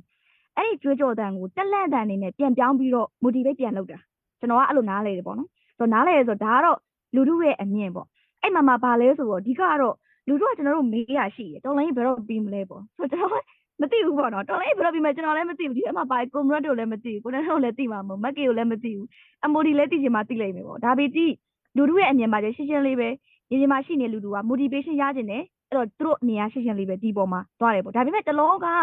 ဆရာစောဝေဆိုးလားမသိဘူး2023မှာအိမ်ပြန်ကြမယ်လို့ရေးထားတာတွေ့ရောကျွန်တော်အမေလားကျွန်တော်ဖုန်းဆက်တာပေါ့နော်သမီးတဲ့2023မှာတကယ်ပြီးတော့မှာလားပေါ့နော်ဆိုလူတို့ကအဲ့လိုမျိုးမြင်တာလည်းရှိတယ်ဘောဟဲ့ဖေကကြားရတော့ဆိုဆရာစောဝေဆိုးပြောလို့တဲ့ မဟုတ်ဘူး2023မှာပြီးချင်မှလေးပြီးလိမ့်မယ်ဒါပေမဲ့ဒီလိုဖြစ်ပါလိမ့်မယ်ကျွန်တော်တို့ NUG ကနေပြီးတော့ one year plan ပေါ့နော်တနည်းပြည့်အစီရင်ကစားထွက်တယ်ဆိုတော့ထွက်တဲ့အခါမှာသူတို့အဲ့ထက်မှာပြောထားတာရှိတယ်ဒီတွင်းမှာပေါ့နော်ဒီခုခံစစ်ကနေတွန်းလှန်စစ်ကိုသူတို့ပြောင်းမယ်အဲ့မှာအရှိန်အဟုန်တွင်းကိုအဆုံးဖြတ်ပေးရမယ်နှစ်ဖြစ်ရမယ်ဆိုပြီးတော့ကျွန်တော်သိရတဲ့ဆို NUG ရဲ့ one year plan တွေမှာပါတယ်အဲ့ဥစ္စာပါရဲဆိုတော့အဲ့ဒါပုံမူတည်ပြီးတော့ဝင်ကြီးတွေကပြောဆိုကြတဲ့အခါမှာပြည်သူလူထုက2023ဆိုရင်တိုက်ပွဲတွေပြီးပြီး အဲအားလုံးပြီးအောင်တိုက်ကြမယ်သူကထင်ကြတာပေါ့နော်တကယ်တမ်းမဟုတ်ပါဘူးအဲ့ပေါ်မှာလည်းပြန်ပြီးတော့ကျွန်တော်ပြန်ဖြည့်ချင်းချက်ထုတ်ရတယ်ပေါ့နော်ဆိုတော့လူတို့ရဲ့နေရာတော့အဲ့လိုရှိတယ်ဆိုတော့နှစ်ချက်ပေါ့နော်တစ်ချက်ကတက်လန့်တန်နေနဲ့သုံးနိုင်တစ်ချက်ကကျတော့ဒီ NUG ရဲ့ one year plan ထဲမှာလည်းဒီဟာပါတော့အားလုံးရဲ့ motivation မှာ2023ဒီအဆုံးဖြတ်နှစ်ဖြစ်မယ်ဆိုပြီးယုံထားတာပေါ့အဲကျေးဇူးတင်ပါတယ်မင်းမင်းပြောသွားတာအာတော်တော်ကိုမှတ်သားစရာကောင်းပါတယ်ကျွန်တော်2023စကွင်းဒီကုန်း2023ဆိုတဲ့ဟာကိုတက်လန့်တန်နေနဲ့ပြန်သုံးပြီးတော့သွားတဲ့ပုံစံလို့ကျွန်တော်နားလည်ပါတယ် ဆိုတော့မြေပြင်ကလူတွေမြေပြင်ကလူတွေဆိုတာကျွန်တော်တို့အာပုံမှန်ကျွန်တော်တို့နေ့စဉ်မြင်နေကြအင်တာနက်ကိုရနေတယ်အင်တာနက်သုံးနေနိုင်တဲ့လူတို့မဟုတ်ပဲနဲ့အဲနေ့စဉ်စားဝတ်နေတောင်ခက်ခဲနေတယ်အိမ်နေမိရှုခံရလို့ပြီးနေကြရတဲ့လူတို့ရဲ့နားလည်မှုကျွန်တော်တို့တို့တပြင်းတော့အညာကလူတွေရဲ့နားလည်မှုလို့ကျွန်တော်အခုနာဟောသဘောပေါက်ပါတယ်ဆိုတော့ကျွန်တော်မြို့ပေါ်ကိုပြန်တက်ကြည့်အောင်ဗျမြို့ပေါ်မှာရောအာကျွန်တော်တို့မြို့ပေါ်ဆိုရင်တော့ကျွန်တော်ကျွန်တော်တို့ကိုနန်းလင်းကိုမေးရမှာပေါ့နော်မြို့ပေါ်ရဲ့အခြေအနေရောစကွင်းဒီကုန်း2023ဆိုတဲ့ကိစ္စကို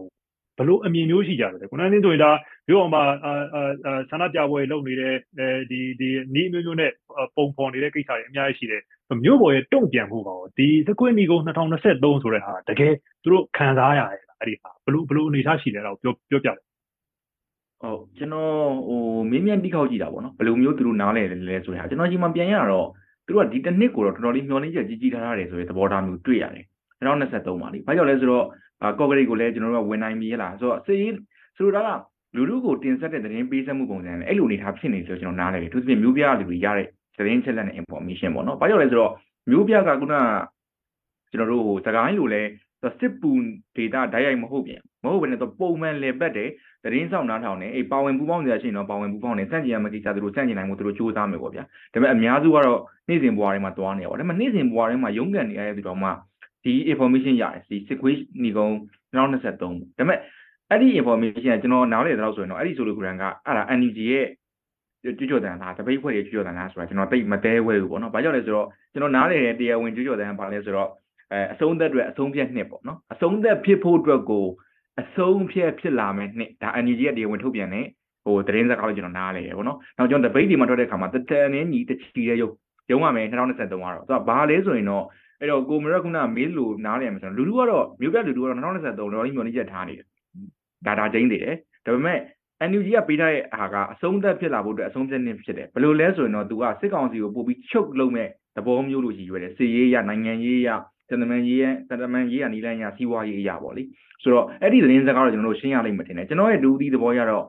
ဒေါ်လန်ရေးမှာဂျူဒိတ်တော့ပေးရတာခက်တယ်အဲ့ဒီမေးခွန်းကဘယ်သူမှလည်းကျွန်တော်ပြင်နိုင်လိမ့်မယ်လို့ကျွန်တော်မထင်ဘူး ထို့တော့ကျွန်တော်တို့မှာမဟာဗျူဟာရှိရမယ်ကျွန်တော်တို့မှာ milestone တော့ရှိရမယ်ကျွန်တော်တင်တယ် NUG ရဲ့ one year plan ဆိုတာခုနကသူဘာလုပ်မယ်ဆိုတဲ့ဟာကိုသူ့ရဲ့ဒီမဟာဗျူဟာနဲ့သူ့ရဲ့ milestone ကိုချရလို့ထင်တယ်အဲ့ဒီ milestone မှာလူလူပါဝင်လာဖို့ပို့ပြီးအားတက်လာဖို့တော့ခုနတက်လက်နေနေသုံးတာပေါ့ဆိုတော့ကျွန်တော်တို့မှာပြဿနာ slogan တွေက program မဖြစ်တဲ့အခါကျတော့တို့ကိစ္စတွေမှာသတင်းစကားတွေကလည်းဟိုအမျိုးမျိုးဖြစ်နေတဲ့အခါကျရင်ရေရှည်မှာတော့အဲ့ဒီအနေထားကပြဿနာရှိလာလိမ့်မလားလို့တော့ကျွန်တော်ထင်တယ်ပေါ့ဒါကိုကျွန်တော်တို့နည်းနည်းတော့ ပြန်ပြီးတော့စမ်းစစ်ဖို့ကျွန်တော်တို့ကြားထဲမှာရှင်းလင်းဖို့ပေါ့နော်လိုလာပြီလို့ကျွန်တော်ထင်တယ်ပေါ့ကျွန်တော်လည်းဒီနေရာမှာတော့မရှင်းလင်းနိုင်ဘူးထို့တော့ NUG ကတော့2023အတွက်သူတို့တေချာတော့လုံနေတယ်လို့ကျွန်တော်နားလည်ပါတယ်ထို့တော့စိန်ခေါ်မှုတွေကလည်းတအားများတဲ့အနေအထားမှာတော့လည်းရှိနေတယ်ဆိုတဲ့ကိစ္စကိုကျွန်တော်ညင်းလို့မရဘူးပေါ့လေဟုတ်ဟုတ်ဟုတ်ကဲ့ကျေးဇူးပါခုနနဲ့ဆိုတော့ကျွန်တော်ကိုမိုက်ကက်စီတော့မှာဗျဆိုတော့ ပြီးခဲ့တဲ့ကျွန်တော်အင်တာဗျူးတွေပေါ့နော်အထူးသဖြင့်တော့ဒီ NUG ပြောရေးဆိုခွင့်ရှိသူပေါ့ဆိုတော့တလောကကျွန်တော်တို့တယောက်လာတွေ့ရတဲ့မှာဆိုတော်တော်စိတ်ဝင်စားစရာကောင်းတဲ့ကိစ္စတစ်ခုပါတယ်အဲ့ဒါဘာလဲဆိုတော့ကျွန်တော်တို့ဇော်မင်းထွန်းပေါ့နော်ဗီဒီယိုဇော်မင်းထွန်းဒီဘက်ကကျွန်တော်တို့သူ့ကိုဟိုဟိုပြောင်ပြီးခေါ်တဲ့နာမည်ကတော့ဇော်မဲလုံးပေါ့ဆိုတော့သူသူ့ကိုဆိုရင်ကျွန်တော်တို့ကဒါစက်ကောင်စီရဲ့ပြောရေးဆိုခွင့်ရှိသူစက်ကောင်စီဝါရဖြန့်တမားထဲမှာဆိုဒါကျွန်တော်တို့ဇော်မင်းထွန်းဇော်မဲလုံးဘသူပြောဘသူကိုပြေးမြင်ကြတယ်ရှိတယ်ပေါ့နော်ဆိုတော့ NUG ရဲ့ပြောရေးဆိုခွင့်ရှိသူ နိုင်ငံတကာမီဒီယာမှာဖြစ်ဖြစ်ပြည်တွင်းမီဒီယာတွေမှာဖြစ်ဖြစ်ဘယ်သူလဲလို့ပြောရင်ပြည်သူအများစုပေါ့နော်အထူးသဖြင့်တော့တော်လှန်ရေးနဲ့အဲတော်လှန်ရေးသတင်းတွေနဲ့ဝေးတဲ့အဲအထူးသဖြင့်တော့နေ့စဉ်ဘဝမှာပဲရုန်းကန်လှုပ်ရှားနေရတဲ့ပြည်သူလူထုအနေနဲ့ဆိုရင်အင်းလူကြီးမှာဆိုဘယ်သူတိုင်ခံပြောနေတာလဲဆိုတာမျိုးမသိတာမျိုးဆိုပြီးဒါပြောတာမျိုးရှိတယ်အဲဆိုတော့အဲ့ဒီမှာကျွန်တော်အင်တာဗျူးတစ်ခုထဲမှာသူဘာကျွန်တော်တို့ဟိုပြောလဲဆိုတော့စကလုံးအတိအကျကတော့စက်ကောင်စီရဲ့လေရင်တွေကအင်နူဂျီထိမ့်ချုပ်နေနေတွေမှာအာကြောက်လို့ပေါ့နော်အာ ရဟတ်ရင်တွေကပေနေနေပြန်တန်းတာမျိုးတော့မလုပ်နိုင်တော့ဘူးလို့ဆိုတယ်ပေါ့နော်ဆိုတော့ဒါကတော့ on the record ပြောထားတယ်ပေါ့နော်ပေနေနေတော့ပြန်တန်းတာမျိုးမလုပ်နိုင်ဘူးလေဆိုတော့ဆိုတော့အခြေအနေကြည့်ရရင်တော့ဒါတော်တော်ဟိုရှေ့ကိုရောက်နေပြီလို့ပြောနိုင်တဲ့အခြေအနေမျိုးပေါ့နော်ဆိုတော့မအိမိပြောသွားတဲ့ကိုကျွန်တော်ပြန်ကောက်ရရင် NUG ကရော NUG ကတော့မှဒီစကွင်းဒီကုန်း2023ဘယ်တော့ပြီးမှလဲဆိုတော့ NUG တော့သိကျင်မှသိတယ်ပဲ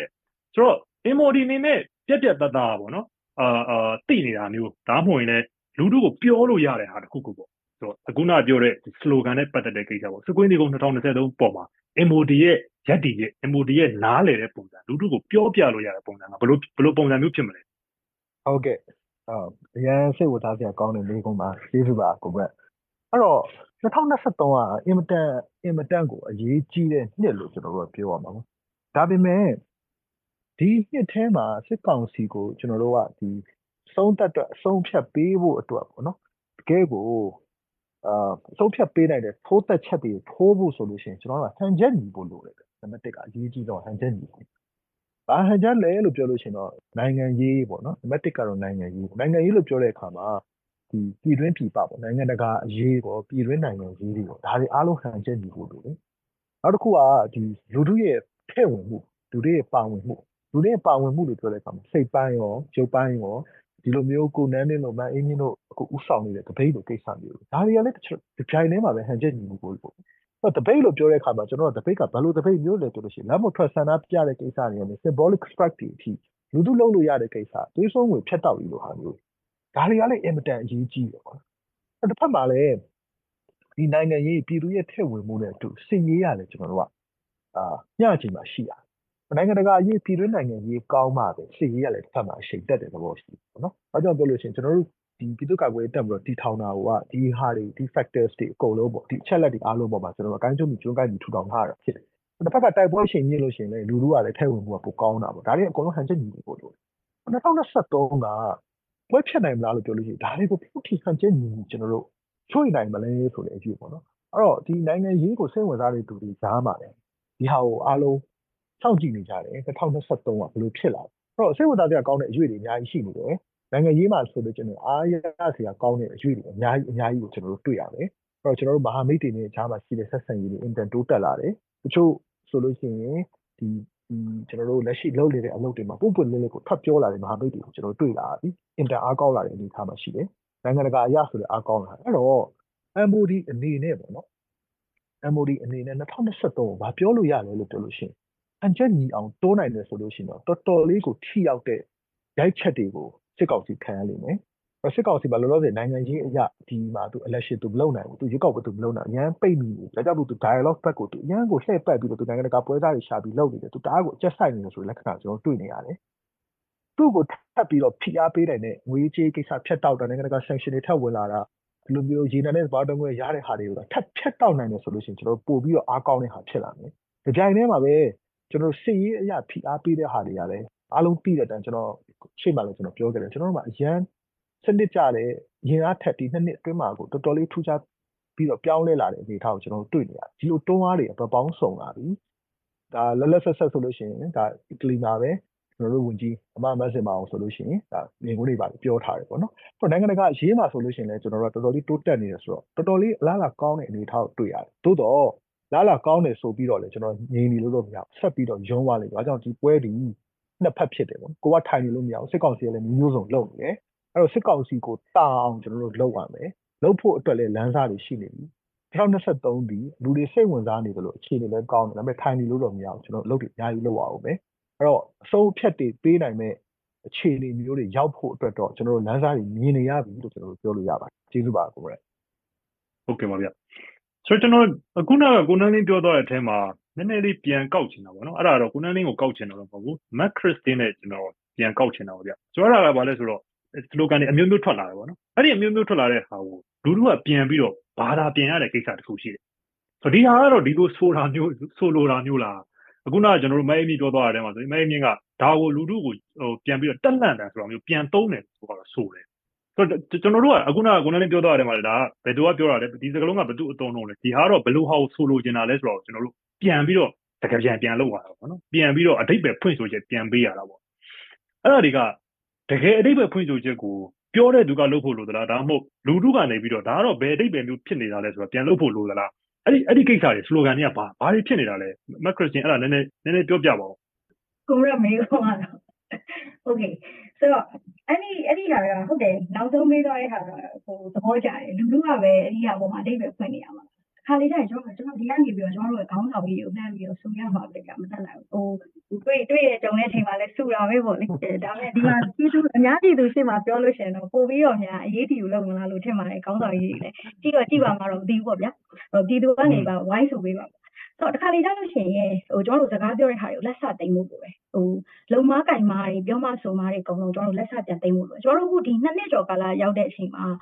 အဲလူလူကအကြောက်တရားလွှမ်းမိုးလို့မပါနိုင်တဲ့ဆိုတဲ့ကိစ္စကလည်းတကဏ္ဍအရေးကြီးဆုံးကိစ္စတွေမှာတကဏ္ဍပါဆိုမယ်သူနဲ့နောက်ကမတိမ်မြင့်အရေးကြီးတဲ့ကိစ္စအဲ့ဒီလုံမားကင်မာပြောမဆိုမားနဲ့ force ထုတ်ပေးတဲ့ကိစ္စပေါ့နော်အဲ့တော့အဲ့အမျိုးတွေကိုကျွန်တော်ကမအေးမြင့်ဆိုလို့ရှိရင်လည်းပြောသွားတယ်ဒါမျိုးအဲစကားကသူ့အမေကဖုန်းလက်ဆက်ပြီးမေးတယ်ပေါ့ဒါဘယ်သူပြောလို့လဲ ဆရာကြီးတော်တော်ဆိုရင်သူပြောလို့ပြီးတော့မှလာသမီးလိုမေးဆိုတဲ့ကိစ္စမျိုးတွေအဲ့လူကြီးတွေနဲ့ကျွန်တော်တို့ဒီဟာထဲမှာတကယ်ထဲထဲဝင်သို့မဟုတ်အများအားဟိုဒီဇိုင်းမှန်မှန်စောင့်ကြည့်နေတယ်မဟုတ်တဲ့ပြည်သူလူထုဆိုလို့ရှိရင်ဒီဟာပေါ်မှာတကယ်အားကိုးယုံကြည်တယ်ဒီစကားတွေကိုသူတို့အများကြီးအရေးတယူလုပ်တယ်ပေါ့နော်ဆိုတော့အဲ့မှာဘာလုပ်ရမလဲဆိုရင်ကျွန်တော်တို့က milestone တွေပဲပြီးပြီးကိုနန်းလင်းပြောသွားတဲ့စကားလုံးလေးကျွန်တော်ချိန်ပါကျွန်တော်တို့တကယ် goal မရောက်ခင်မှာ milestone တွေရှိရတယ်ပေါ့ဒါပေမဲ့အဲ့ဒါတွေကို strategy ချပြီးတော့မှအလုပ်လုပ်နေတဲ့သူတွေပဲနားလည်လိမ့်မယ် တာမန်ပြည်သူလူထုနေ့စဉ်သူတို့ရဲ့နေ့စဉ်ဘဝမှာရှုံထွေးနေတဲ့ပြည်သူလူထုဒါတွေကိုနားလည်ပါမယ်လို့မျှော်လင့်တာကကျွန်တော်တို့အမှားဗျဟိုဟို လိုအပ်ချက်လို့ပြောမှာပေါ့အမှားဆိုတာလိုအပ်ချက်ဖြစ်လိမ့်မယ်ရှင်းလင်းပြတ်သားတဲ့စကားတွေပြောရမယ် force မဟုတ်တဲ့အဲစကားမျိုးတွေပြောရမယ်ကျွန်တော်တို့ခေါင်းဆောင်ဖြစ်လာပြီဆိုလို့ရှိရင်ဒီအင်အားစုတွေကိုပဲပြောတာပေါ့နော်ဘယ်သူတူတယောက်ကိုမှတော့ပြောတာမဟုတ်ဘူးပေါ့အဲခေါင်းဆောင်ဖြစ်လာပြီဆိုရင်ငါတို့ကတော့ဒါလုပ်နေပါတယ်ငါတို့ဆရာနင်တို့ဒါတော့တော့မျှော်လင့်လို့ရတယ်ဆိုတော့ရှင်းရှင်းလင်းလင်းချပြမှုမျိုးကိုလိုလိမ့်မယ်အဲ့ဒါကြောင့်မှပဲဟိုသူတို့နောက်ကလိုက်လုပ်တဲ့အင်အားစုဟို follower တွေပဲဖြစ်ဖြစ်ပြည်သူလူထုကပဲဖြစ်လိုက်လုပ်တာမှန်လိမ့်မယ်အဲ့တော့နောက်တစ်ခုကကျတော့ ဒီခုနကတော့ဟိုကျွန်တော်တို့နားလည်တဲ့တပိတ်ဖွဲ့ဘက်ကနားလည်တဲ့ကိစ္စကဘာပြောလဲဆိုတော့ဒီတတန်နဲ့ညီတချီတဲ့ယုံ2023ဆိုတာကဒီ2023မှာတချီတဲ့ယုံမယ်လို့ပြောချင်တာမဟုတ်ပဲねငါတို့ဒီနှစ်မှာလည်းအင်အားတရက်အနေနဲ့မဖြစ်မနေအချိုးခွေးတစ်ခုလိုယုံရမယ်အဲဒီတော်လိုင်းကိုဂျူးထိပ်ပေးလို့မရဘူးဒါလူတိုင်းသိတယ်ဟို ပြည်သူလူထုလည်းသိလိုက်ပဲဒါပေမဲ့ကျွန်တော်တို့ဘာကြောင့်ဒီမေးခွန်းနေနဲ့ဒီလိုဝေဝါးမှုတွေတက်လာဆိုရှေ့မှာပြောခဲ့တာဗျာတွဲတိုင်းမှာစကောင်းပါတယ်ဆိုတဲ့ကိစ္စလိုမျိုးတွေပြီးတော့လို့ရှိရင်ဟိုပြီးတော့မယ်ဒီဒေးခေါ်တယ်ဆိုတဲ့ကိစ္စလိုမျိုးတွေဒါတွေကလူထုကိုတစ်ခုပြီးတစ်ခုစိတ်သက်ပိုင်းဆိုင်ရာအရာအဲ့လိုညှော်လင်းချက်ကိုဟာမဖြစ်တော့ပြန်ဘူးကွာဆိုတဲ့ပုံစံမျိုးဖြစ်အောင်လုပ်သွားတဲ့ဟာတွေအဲ့ဒီမှာကျွန်တော်တို့ကဘာလုပ်ရမလဲဆိုတော့တကားပြန်သိမ်းရမယ်ဟိုကျွန်တော်တို့က လူတို့ကိုဥဆောင်နေတဲ့ခေါင်းဆောင်တွေဖြစ်မယ်ခေါင်းဆောင်ဦးအားစုတွေဖြစ်တယ်ဆိုရင်မဖြစ်မနေတတိထားဖို့လိုတာကိုယ်စကားကိုပြန်သိမ်းပါအဲ့ဒါအဓိကလိုပါတယ်ပြီးရင်နောက်တစ်ခုကရှင်းလင်းပြတ်သားတဲ့ပြောဆိုမှုတွေနဲ့ရှင်းလင်းပြတ်သားတဲ့လုပ်ရက်တွေပြဖို့လိုပါတယ်အဲ့တော့အခုကိုမရမေးရမေးဝင်ပြောရမယ်ဆိုလို့ရှိရင်ကျွန်တော်တို့ဂျူးတွေလည်းမရှိဘူးဒီနေ့ပြီးမလားမနေ့ပြန်ပြီးမလားလို့ပြောလို့မရဘူးနောက်နှစ်နှစ်သုံးနှစ်အတွင်းပြီးမလားဆိုတဲ့ဟာမျိုးမှလည်းကျွန်တော်တို့ပြောလို့မရဘူးဒါပေမဲ့ဒီအချိန်ထိကျွန်တော်တို့ဒီလုံးဝတောက်လျှောက်ပါနေတဲ့ကိစ္စ ဟို in indirect အားလိုက်ပါနေတဲ့ကိစ္စကကျွန်တော်တို့ယုံကြည်ရအောင်ရှောက်လန်းနေရကြောင်းလို့ဖြစ်တော့ပါအဲကျွန်တော်ကခုနအင်္ဂနက်ကိုပြောလိုက်တဲ့အချိန်ကိုနန်းလေးကမျက်ခုံးပင့်ပင့်သွားတယ်ကျွန်တော်တွေ့လိုက်တယ်အဲ့တော့ဆိုတကယ်ဒီဟာကိုကျွန်တော်ကတကယ်မသိရတဲ့ကြောင့်မသိဘူးလို့ပဲပြောတာအဲ့တော့ပြည်သူလူထုကဒီလောက်တော့မျှော်လင့်ထားဖို့လိုတယ်ကျွန်တော်တို့ဒီဘောမှာပြီးနောက်တစ်ခုကဒီ slogan တွေတတန်နဲ့ညီတချီတဲ့ရုံးဆိုရင်ကျွန်တော်တို့အင်အားစုတွေအများကြီးဖြစ်တဲ့ကြောင့်လို့တတန်နဲ့ညီရမယ်ပြီးတော့ရင်နောက်တစ်ခုကဒီနှစ်မှမဟုတ်ဘဲနဲ့ဒီ ဒီတော်လန်ရေးဒီတော်လန်ရေးအတွင်းမှာကျွန်တော်တို့ရဲ့ဒီလိုမျိုးခံနေရတဲ့လူသားချင်းစာနာမှုမရှိတဲ့ဟိုအပြက်ဟိုအပြက်စီးကိုခံနေရတဲ့ကြမ်းဖက်မှုတွေကိုခံနေရတဲ့ဟာဒီဒီတော်လိုင်းရဲ့အတွင်းမှာတချီလေးရုံးမယ်ဆိုရည်ရည်ရွယ်ချက်နဲ့ကျွန်တော်တို့ဒီ slogan ကိုကန်ဆွဲပြီးသွားခဲ့အောင်ဒါပေမဲ့2023လို့ထည့်ရခြင်းအကြောင်းရည်ဒီဒီနှစ်ကလည်းငါတို့အရေးကြီးတဲ့နှစ်ဆိုတဲ့ message ကိုရစေချင်တယ်အဲ့အတွက်ကြောင့်မို့ကျွန်တော်တို့ဒီ debate အဖွဲ့တွေကဒီဟာကိုသုံးနေတာဖြစ်တယ်လို့ပြောချင်တာပဲဟုတ်ကဲ့ကျေးဇူးတင်ပါတယ်ဗျမေးမြင့်ဘာများထည့်ပြီးတော့ထပ်ပြီးတော့ဖြည့်ပြီးပြောချင်တယ်ဗျ မခရစ်စီပြောတော့တော်တော်ကြီးအားရဖို့ကောင်းနေပါတော့ဆိုတော့မှန်တယ်ကျွန်တော်ကဟိုလူထုကိုလေဒီလားဟို force ဟုတ်နဲ့ဟိုဒီ motivation ပြရတယ်မတူဘူးပေါ့နော်ကျွန်တော်ဒီ one year plan နဲ့ပတ်သက်ပြီးတော့တချို့တော့ဒီ NUG ဘက်ကပေါ့နော်ဒီ NUG မှာပါနေတဲ့ဒီသူတွေမေးကြည့်ဘူးလေပေါ့တချို့ကလည်းဖြေတာရှိတယ်ပေါ့နော်တချို့ကရကြပြည်သူတို့ဒီစေနာအမားနဲ့ပေါ့နော် motivation ပေးတဲ့ပုံစံမျိုးနဲ့ပေးခဲ့တယ်ဒါပေမဲ့တစ်ဖက်မှာကျတော့လူထုဘက်မှာကျတော့အဲ့ဒါအရန်မျောလင့်ပြီးတော့ဒီအရန်ကိုမျောလင့်ချက်ပေါ့နော် expectation အရန်ထားမျိုးရှိ ပို့ဆိုးတာဒီဒေါ်လာကြီးကကျတော့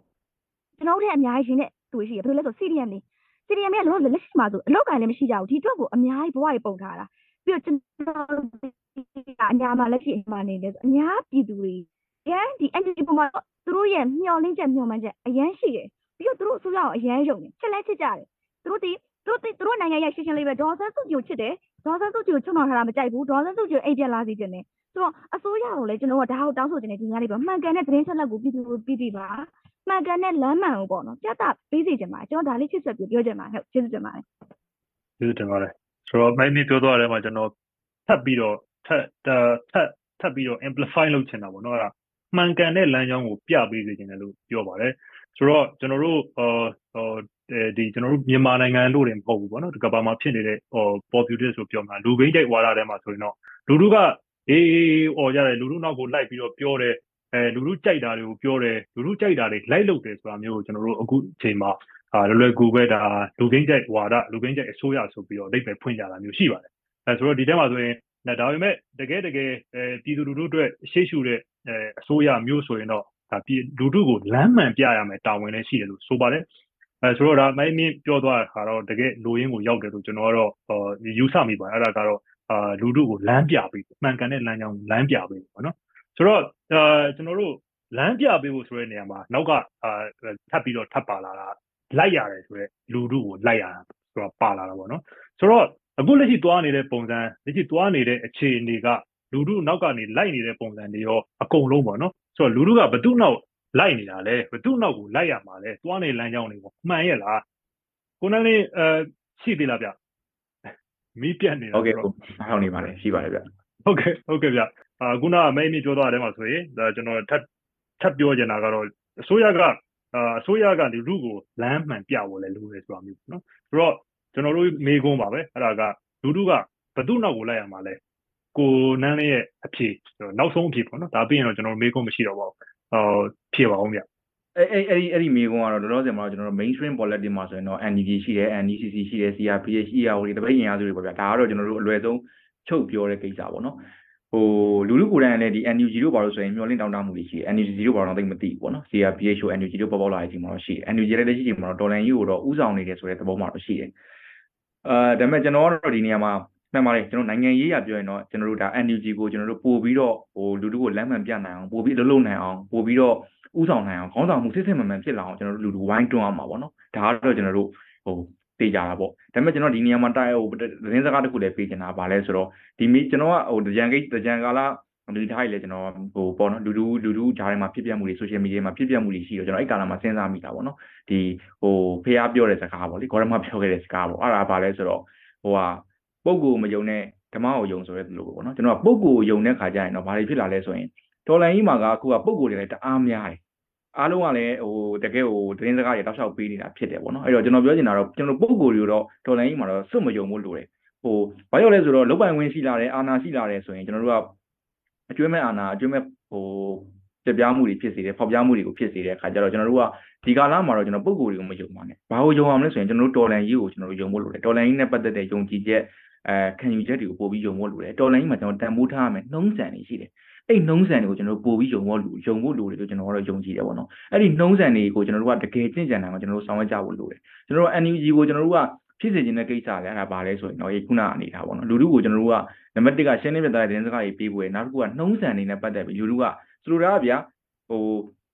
တောက်လျှောက်ပြောတဲ့စကားရှိတယ်အဲ့ဒါပါလဲဆိုတော့တော်လန်ရေးမှာလူလူနောက်ကိုခေါင်းဆောင်မှုနဲ့နိုင်ငံရေးကလိုက်ကြတယ်ဆိုတာအဲ့ဒါဒီနှစ်နှစ်မှာတော့တော်သိပြီလို့ကျွန်တော်ကတော့ထင်တယ် ဆိုတော့အခုချိန်မှာပြန်ပြီးလူလူကိုကြကြနနပြန်ခေါင်းဆောင်နိုင်တဲ့ခေါင်းဆောင်မှုကိုကျွန်တော်တို့ပုံဖော်ဖို့လိုတယ်အဲ့တော့လူလူအနေနဲ့ကတော့ကျွန်တော်တို့ခေါင်းဆောင်မှုတွေကိုလည်းမှန်ကန်လာအောင်ပို့ပြီးထိန်းကျောင်းနိုင်ဖို့တာပုံကိုယ်တွေကိုတော့မယုံပါနဲ့ကျွန်တော်တို့ခုနကကျွန်တော်တို့ပြောတော်လိုင်းနဲ့ပတ်သက်တဲ့ခံယူချက်ယုံကြည်ချက်ကျွန်တော်တို့ရဲ့နှုံးဆန်တွေကိုယုံပြီးတော့မှခုနဥဆောင်မယ်ဆိုတဲ့လူတွေပေါ့နော်သူတို့ကိုသူတာဝန်ခံထားတဲ့လူတွေရှိတယ်ကျွန်တော်တို့လည်းဒါအဲ့ဒီမှာကိုကိုကိုတော့ဟာလာကျွန်တော်လည်းပါဝင်နေပါတယ်ဆိုပြီးခံထားရလူရှိတယ်ကျွန်တော်တို့ကစပြီးတော့မှဒီမှာရှိနေတဲ့လူတွေအစုံကိုမရက် NUG ကိုတော့ကျွန်တော်ကလူလူကဝိုင်းဝန်းထိန်းချောင်းရဖို့ ဝိုင်းပြီးတော့မှလမ်းမှန်ပြန်ပြဖို့လေချို့ချင်တွေမှာလိုမှာဖြစ်တဲ့အတွက်ဝိုင်းဝန်းထိန်းချောင်းဖို့လေကျွန်တော်ဒီနေရာမှာလေမြစ်တာရက်ခံချင်တယ်ကျေးဇူးတင်ပါတယ်ကျေးဇူးတင်ပါတယ်ကိုအာဆိုတော့မအေးမြင့်အဲဗာများပြောမလဲဗျဟုတ်ကြားရပါတယ်လောလောဆယ်ဒီမှာဟုတ်ကဲ့မင်းပြတ်သွားလို့ပြီးရောမကတော့ပါဟုတ်ကဲ့ဟုတ်ကဲ့နားလည်ပါတယ်ဗျဟုတ်ကဲ့ပြောပါဗျဟုတ်ပြောချင်တာတော့မရှိတော့ပါဘူးအမှန်တမ်းပြောရင်ကျွန်တော်တို့ကညီညီမအလုပ်လုပ်မယ်ပြီးတော့ NUG ဆိုရတဲ့ဒီလမ်းကြောင်းရဲ့နောက်မှာကျွန်တော်တို့လိုက်အောင်ဒါပါပဲကျွန်တော်တို့စန္ဒအဲ့ဒါပဲ ကျွန်ကျွန်တော်ပြောခဲ့တဲ့စကားတခုရှိရယ်ဟိုစကားတွေအများကြီးမပြောနဲ့ပေါ့နော်သူတွေအများကြီးထွက်မယ်ပေါ့ဆိုတော့ကျွန်တော်စကားအများကြီးပြောတာတိတ်ကြိုက်ဆိုတော့အလုံးနဲ့တက်တည်ပြစီချင်ပါတယ်လို့ဆိုတော့ကျွန်တော်အဲ့ဒါလေးပဲပြောချင်ပါတယ်ဗျဟုတ်ဟုတ်ကဲ့ဟုတ်ကဲ့အဲဆိုတော့ကျွန်တော်အဲမက်ခရစ်တင်စီကိုမတော့ခင်ကိုကိုမိုက်ကက်စီကိုကျွန်တော်နောက်ဆုံးချိန်ပေါ့နော်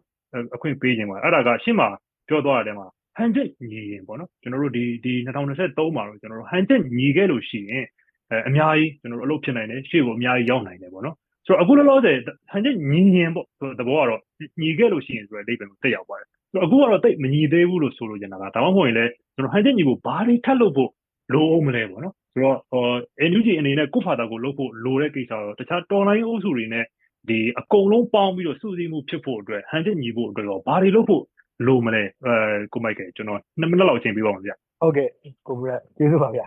အဲ့တော့ ဟန်ချက်ညီဖို့ဘာတွေလုပ်ရမလဲလို့ပြောလို့ရှိရင်တစ်ကကျွန်တော်တို့ကြားမှာအာနိုင်ငံရေးသဘောတူညီချက်တွေအများကြီးရှိဖို့လိုတယ်နိုင်ငံရေးသဘောတူညီချက်တွေအဲ့တော့အင်အားစုတွေကဒီတော်လိုင်းအင်အားစုတွေကအမျိုးမျိုးကွဲကွဲအများများအပြားပြားအများကြီးပေါ့နော် positive အဲ့တော့အဲ့ဟာတွေကြားမှာကျွန်တော်တို့နိုင်ငံရေးသဘောတူညီချက်တွေရှိဖို့လိုတယ်အဲပြီးရင်ကျွန်တော်တို့မှာ common vision ပေါ့နော်အနာဂတ်မြန်မာနိုင်ငံတော့ဘယ်လိုတည်ဆောက်တည်ဆောက်မလဲဆိုတဲ့မေးခွန်းပေါ့အဲ့ဒါကြီးအတက်အရေးကြီးတယ်အဲ့ဒီအခြေခံပေါ်မှာမူတည်ပြီးတော့ okay ကျွန်တော်တို့ကနိုင်ငံရေးသဘောတူညီချက်ရပြီအားလုံးတွားကျင်တဲ့အဲပန်းတိုင်တူပြီဆိုလို့ရှိရင်အဲ့ဒီသဘောတူညီချက်တွေကခိုင်မာနေဖို့ထပ်လိုသေးတယ်သဘောတူလိုက်ရုံနဲ့ပြီးမတော့ဘူးဒုတိယတစ်ချက်ခိုင်မာနေဖို့လို okay ဒီလိုသာမင်းတို့တကယ်မြင်တယ်ဆိုဒီတိုင်းတကယ်ဖြစ်ပါမယ်ဆိုတော့ခိုင်မာတဲ့ trust building ပေါ့ဗျာ အဲ့ယုံကြည်မှုတိဆောက်နိုင်တဲ့ဟာကြီးလို့အော်ကျွန်တော်မြန်မာနိုင်ငံမှာတွေးမတိတ်တဲ့အနာကြီးအများကြီးပဲပင်လုံကနေစလိုက်တဲ့ကိစ္စကအိုးပင်လုံအဟောင်းပဲပြောပြော17ရာစုပင်လုံထိပဲတဲလာတဲလာဒီနိုင်ငံရဲ့အရာစုတွေကြားမှာဒီတွေးမတိတ်တဲ့အနာတွေကအများကြီးရှိတယ်ခုထိအများကြီးခံစားနေရတော့ပဲအော်ဟိုဒီကျွန်တော်တို့ခုဒေးဒေါ်လာကြီးကိုရှုရှုချင်းကတ်တဲ့အခါမှာတော့မှဒီတပိုင်းဆိုင်ရာနောက်ခံအကြောင်းချက်လက်တွေဒီဟာတွေရှိနေတဲ့အတွက်ကြောင့်မလို့အဲတချို့ရွေ့ရတဲ့အရွေ့တွေကထင်ထားတာတက်ပူခတ်တယ် ပို့ပြီးတော့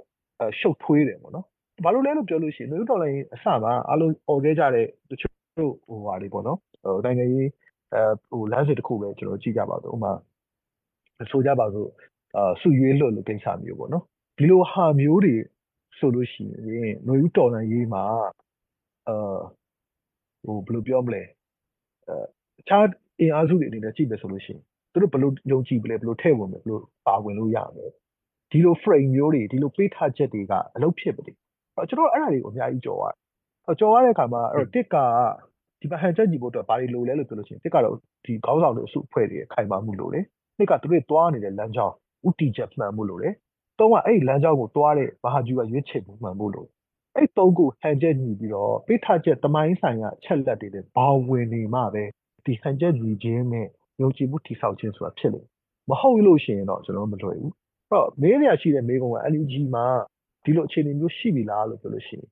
တော်တော်ခိုင်ခိုင်မာမာအကောင်းတဲ့ဟန်ချက်ညီမှုအတွင်းပိုင်းမှာစဖြစ်နေပြီအဲ့အတွင်းပိုင်းကနေအပြေဖြာထွက်နေတယ်အဲ့ဖြာထွက်မှုကနေမှာဟမိဆက်ဆံရေးတွေဒီအစုဖွဲ့တွေကြမှာတိဆောက်မှုတွေအကောင်းလာတယ်အဲ့ဒီဟန်ချက်ညီမှုပုံတရံဒီအာအချိန်စရလာပြီနော်စပြီးတော့လိမ့်လာပြီအချိန်စရလာတဲ့သဘောမှာတွေ့ရတယ်နိုင်ငံတကာလည်းဒါကိုကောင်းကောင်းကြီးစောင့်ကြည့်နေဒါကြောင့်မလို့ကျွန်တော်တို့ခုနောက်ပိုင်းမှာနိုင်ငံတကာရဲ့အင်အားစုတွေ နိုင်ငံတကာမှာရှိတဲ့အဖွဲ့တွေက NUG ဆိုတဲ့ဟာကိုတရားဝင်ထုတ်ပြောလာပြီးတော့ NUG ကိုဘယ်လိုဖြစ်ရမလဲ NUG ကိုအတိမတ်ပြုရမယ် NUG ဒီတကယ် key stakeholder ဖြစ်တဲ့အရေးပါတယ်ဆိုတဲ့ဟာကိုအားလုံးအတိမတ်ပြုလာတာဖြစ်တယ်အဲ့တော့ဒီဟန်ချက်ညီမှုဒီအချိန်ရနေပြီတွားနေပြီအကောင်းနေပါပြီလို့ကျွန်တော်ပြောချင်တယ်ဒါပေမဲ့ပြီးပြည့်စုံတဲ့အချိန်ကိုတော့မရောက်သေးဘူးကျွန်တော်အများကြီးဆက်ပြီးကြိုးစားရပါဦးကျေးဇူးပါဗျဟုတ်ကျေးဇူးတင်ပါတယ်ဆိုတော့ကျွန်တော်နောက်ဆုံးနေတဲ့ကျွန်တော် macro sense ကိုတွားကြင်ပါတယ်ဆိုတော့ရှင်းမှာကျွန်တော်တို့ ပြောသွားရတဲ့ကျွန်တော်တို့မြေပြင်ကတပိတ်အဖွဲ့ပြောသွားရရှိတယ်တောတွေကတပိတ်အဖွဲ့ပြောသွားရရှိတယ်အဲတကယ်ကိုဒီမှာအာအပေါ်ကနေ policy making ဘိုင်းကိုတာဝန်ယူထားတဲ့သူတွေပြောသွားရရှိတယ်ဆိုအကုန်လုံးချုပ်ပြီးတော့ macro sense ပြောပေးပါအဲ့ဒါကလူတို့ကဘသူကိုဘသူနောက်ကိုလိုက်ရမှာလဲဟုတ် လူတို့ဒုနောက်လိုက်ရမယ်ဆိုတော့ကျွန်တော်ကတော့ comment တွေမှာ like ဆက်နေ comment တွေမှာတွေ့တယ်သူပြောတာလူတို့ခေါင်းပြန်တော့တော့ဖြစ်နေတာမဟုတ်ဘူးလားတဲ့လူတို့နောက်လိုက်ရမှာမဟုတ်ဘူးလားကျွန်တော်အဲ့လိုအဲ့ဒီအဲ့ဒီ comment အများတော့ကြတယ်အဲ့ comment ပေးတဲ့ဆရာဟိုဘယ်လိုမျိုးမသိဘူးပေါ့နော်ဆိုတော့ဒီနေ့မှလည်းဗျအဲ့တော့ကျွန်တော်တို့ဒီမှာတတိထားရမှာကဟိုလူတို့ကလိုချင်တဲ့ဟာကိုကျွန်တော်တို့ကပုံခေါ်နေရကြတာလူတို့ကကျွန်တော်တို့ကိုခိုင်းနေရတာခိုင်းနေတာဒီအစိုးရတွေ ပြီးတော့ဒီမှာရှိနေအင်အားစုတွေဓာတ်တွေဒီလူလူမျော်မှန်းတဲ့သူတွေစီကနေပြီးတော့ဟိုလူလူမျော်မှန်းနေတဲ့ဟာပုံခေါ်နေရပါတော့နောက်တစ်ခုကကျွန်တော်တို့ကအခြေအနေမျိုးတော့ရှိတယ်ဘယ်သူနောက်လိုက်ရမှာလဲဆိုတဲ့အခါမှာ implementation လို့ပြောတာနဲ့ပြီးရင်တကယ်ဒီတော်နိုင်တစ်ခုလုံးစာကိုပြောတဲ့ဟာနဲ့နှစ်ခုရှိပါတယ်တစ်ခုကတော့ကျွန်တော်အချုပ်အဖြစ်ပြောရရင်လူလူကဟို ကျွန်တော်ကိုလန်လေးပြောတာကြာပေါ့ကိုလန်လေးကတော့ပါဠိရေးပိုင်းနဲ့ပြောတာကျွန်တော်ကတာမန်နားလောက်ပဲပြောပါအဲ့တော့ကျွန်တော်တို့ကိုယုံကြည်ရအောင်ကိုလိုက်ဖို့ပဲကျွန်တော်တို့ဒီဓမ္မအတွက်ကိုလုပ်နေကြတာလူတွေသိရမခံနိုင်လို့ကျွန်တော်တို့ရဲ့တကယ်လူဖြစ်တည်မှုပေါ့နော်လူတုံဂုံတိတ်ခါရှိရနိုင်ငံတနိုင်ငံမှာနေကြလို့ကျွန်တော်တို့နေစဉ်အေးရောဝအိတ်ချင်တယ်အေးရောဝနဲ့ပြန်ထတယ်ဆိုရင်ပူပန်မှုမရှိတဲ့ဘဝကြီးနဲ့နေကြတယ်ကျွန်တော်မီးပြတ်တာရေးတင်ရမယ့်ကိစ္စလောက်နဲ့ဟို စိုးရိမ်ပူပန်နေရတဲ့ဟာပေါ့နော်အဲ့မှာကျွန်တော်တခုပြောလိုက်မယ်ကိုကိုမရတော့ဖြတ်မလားမသိဘူးအဲ့ဒါဘာလဲဆိုသူခုတနေ့တော့ကျွန်တော် post တစ်ခုတွေ့လိုက်တယ်အဲ့မှာအမျိုးသမီးတယောက်ကပြောဟိုစာရေးထားတယ်ငါတို့ကဘာပဲဖြစ်နေဟို air con ပိတ်အိတ်တယ်တဲ့ဘာလို့လဲဆိုလို့ရှိရင်ဟိုဒါ အဲမီးမလာလို့ရှိရင်ပူတဲ့တောင်မခံနိုင်ရှိအောင်လေဒါတော်တော်မိုင်းရင်းနေတယ်ရှေ့မျိုးဆက်ကနေပြီးတော့မှတော်တော်ညံရီမခွင့်ပြိုးတဲ့ဟိုအသိဉာဏ်မျိုးပြပြောရမယ်ဆိုလို့ရှိရင်ဒါဒီဒီလိုမျိုးဟာကိုအောက်မှာလူငယ်တွေအများကြီးဝင်ပြီးတော့မှတမထားကြတယ်အဲ့ဒါကကျွန်တော်တို့လူငယ်တွေနဲ့ဒီ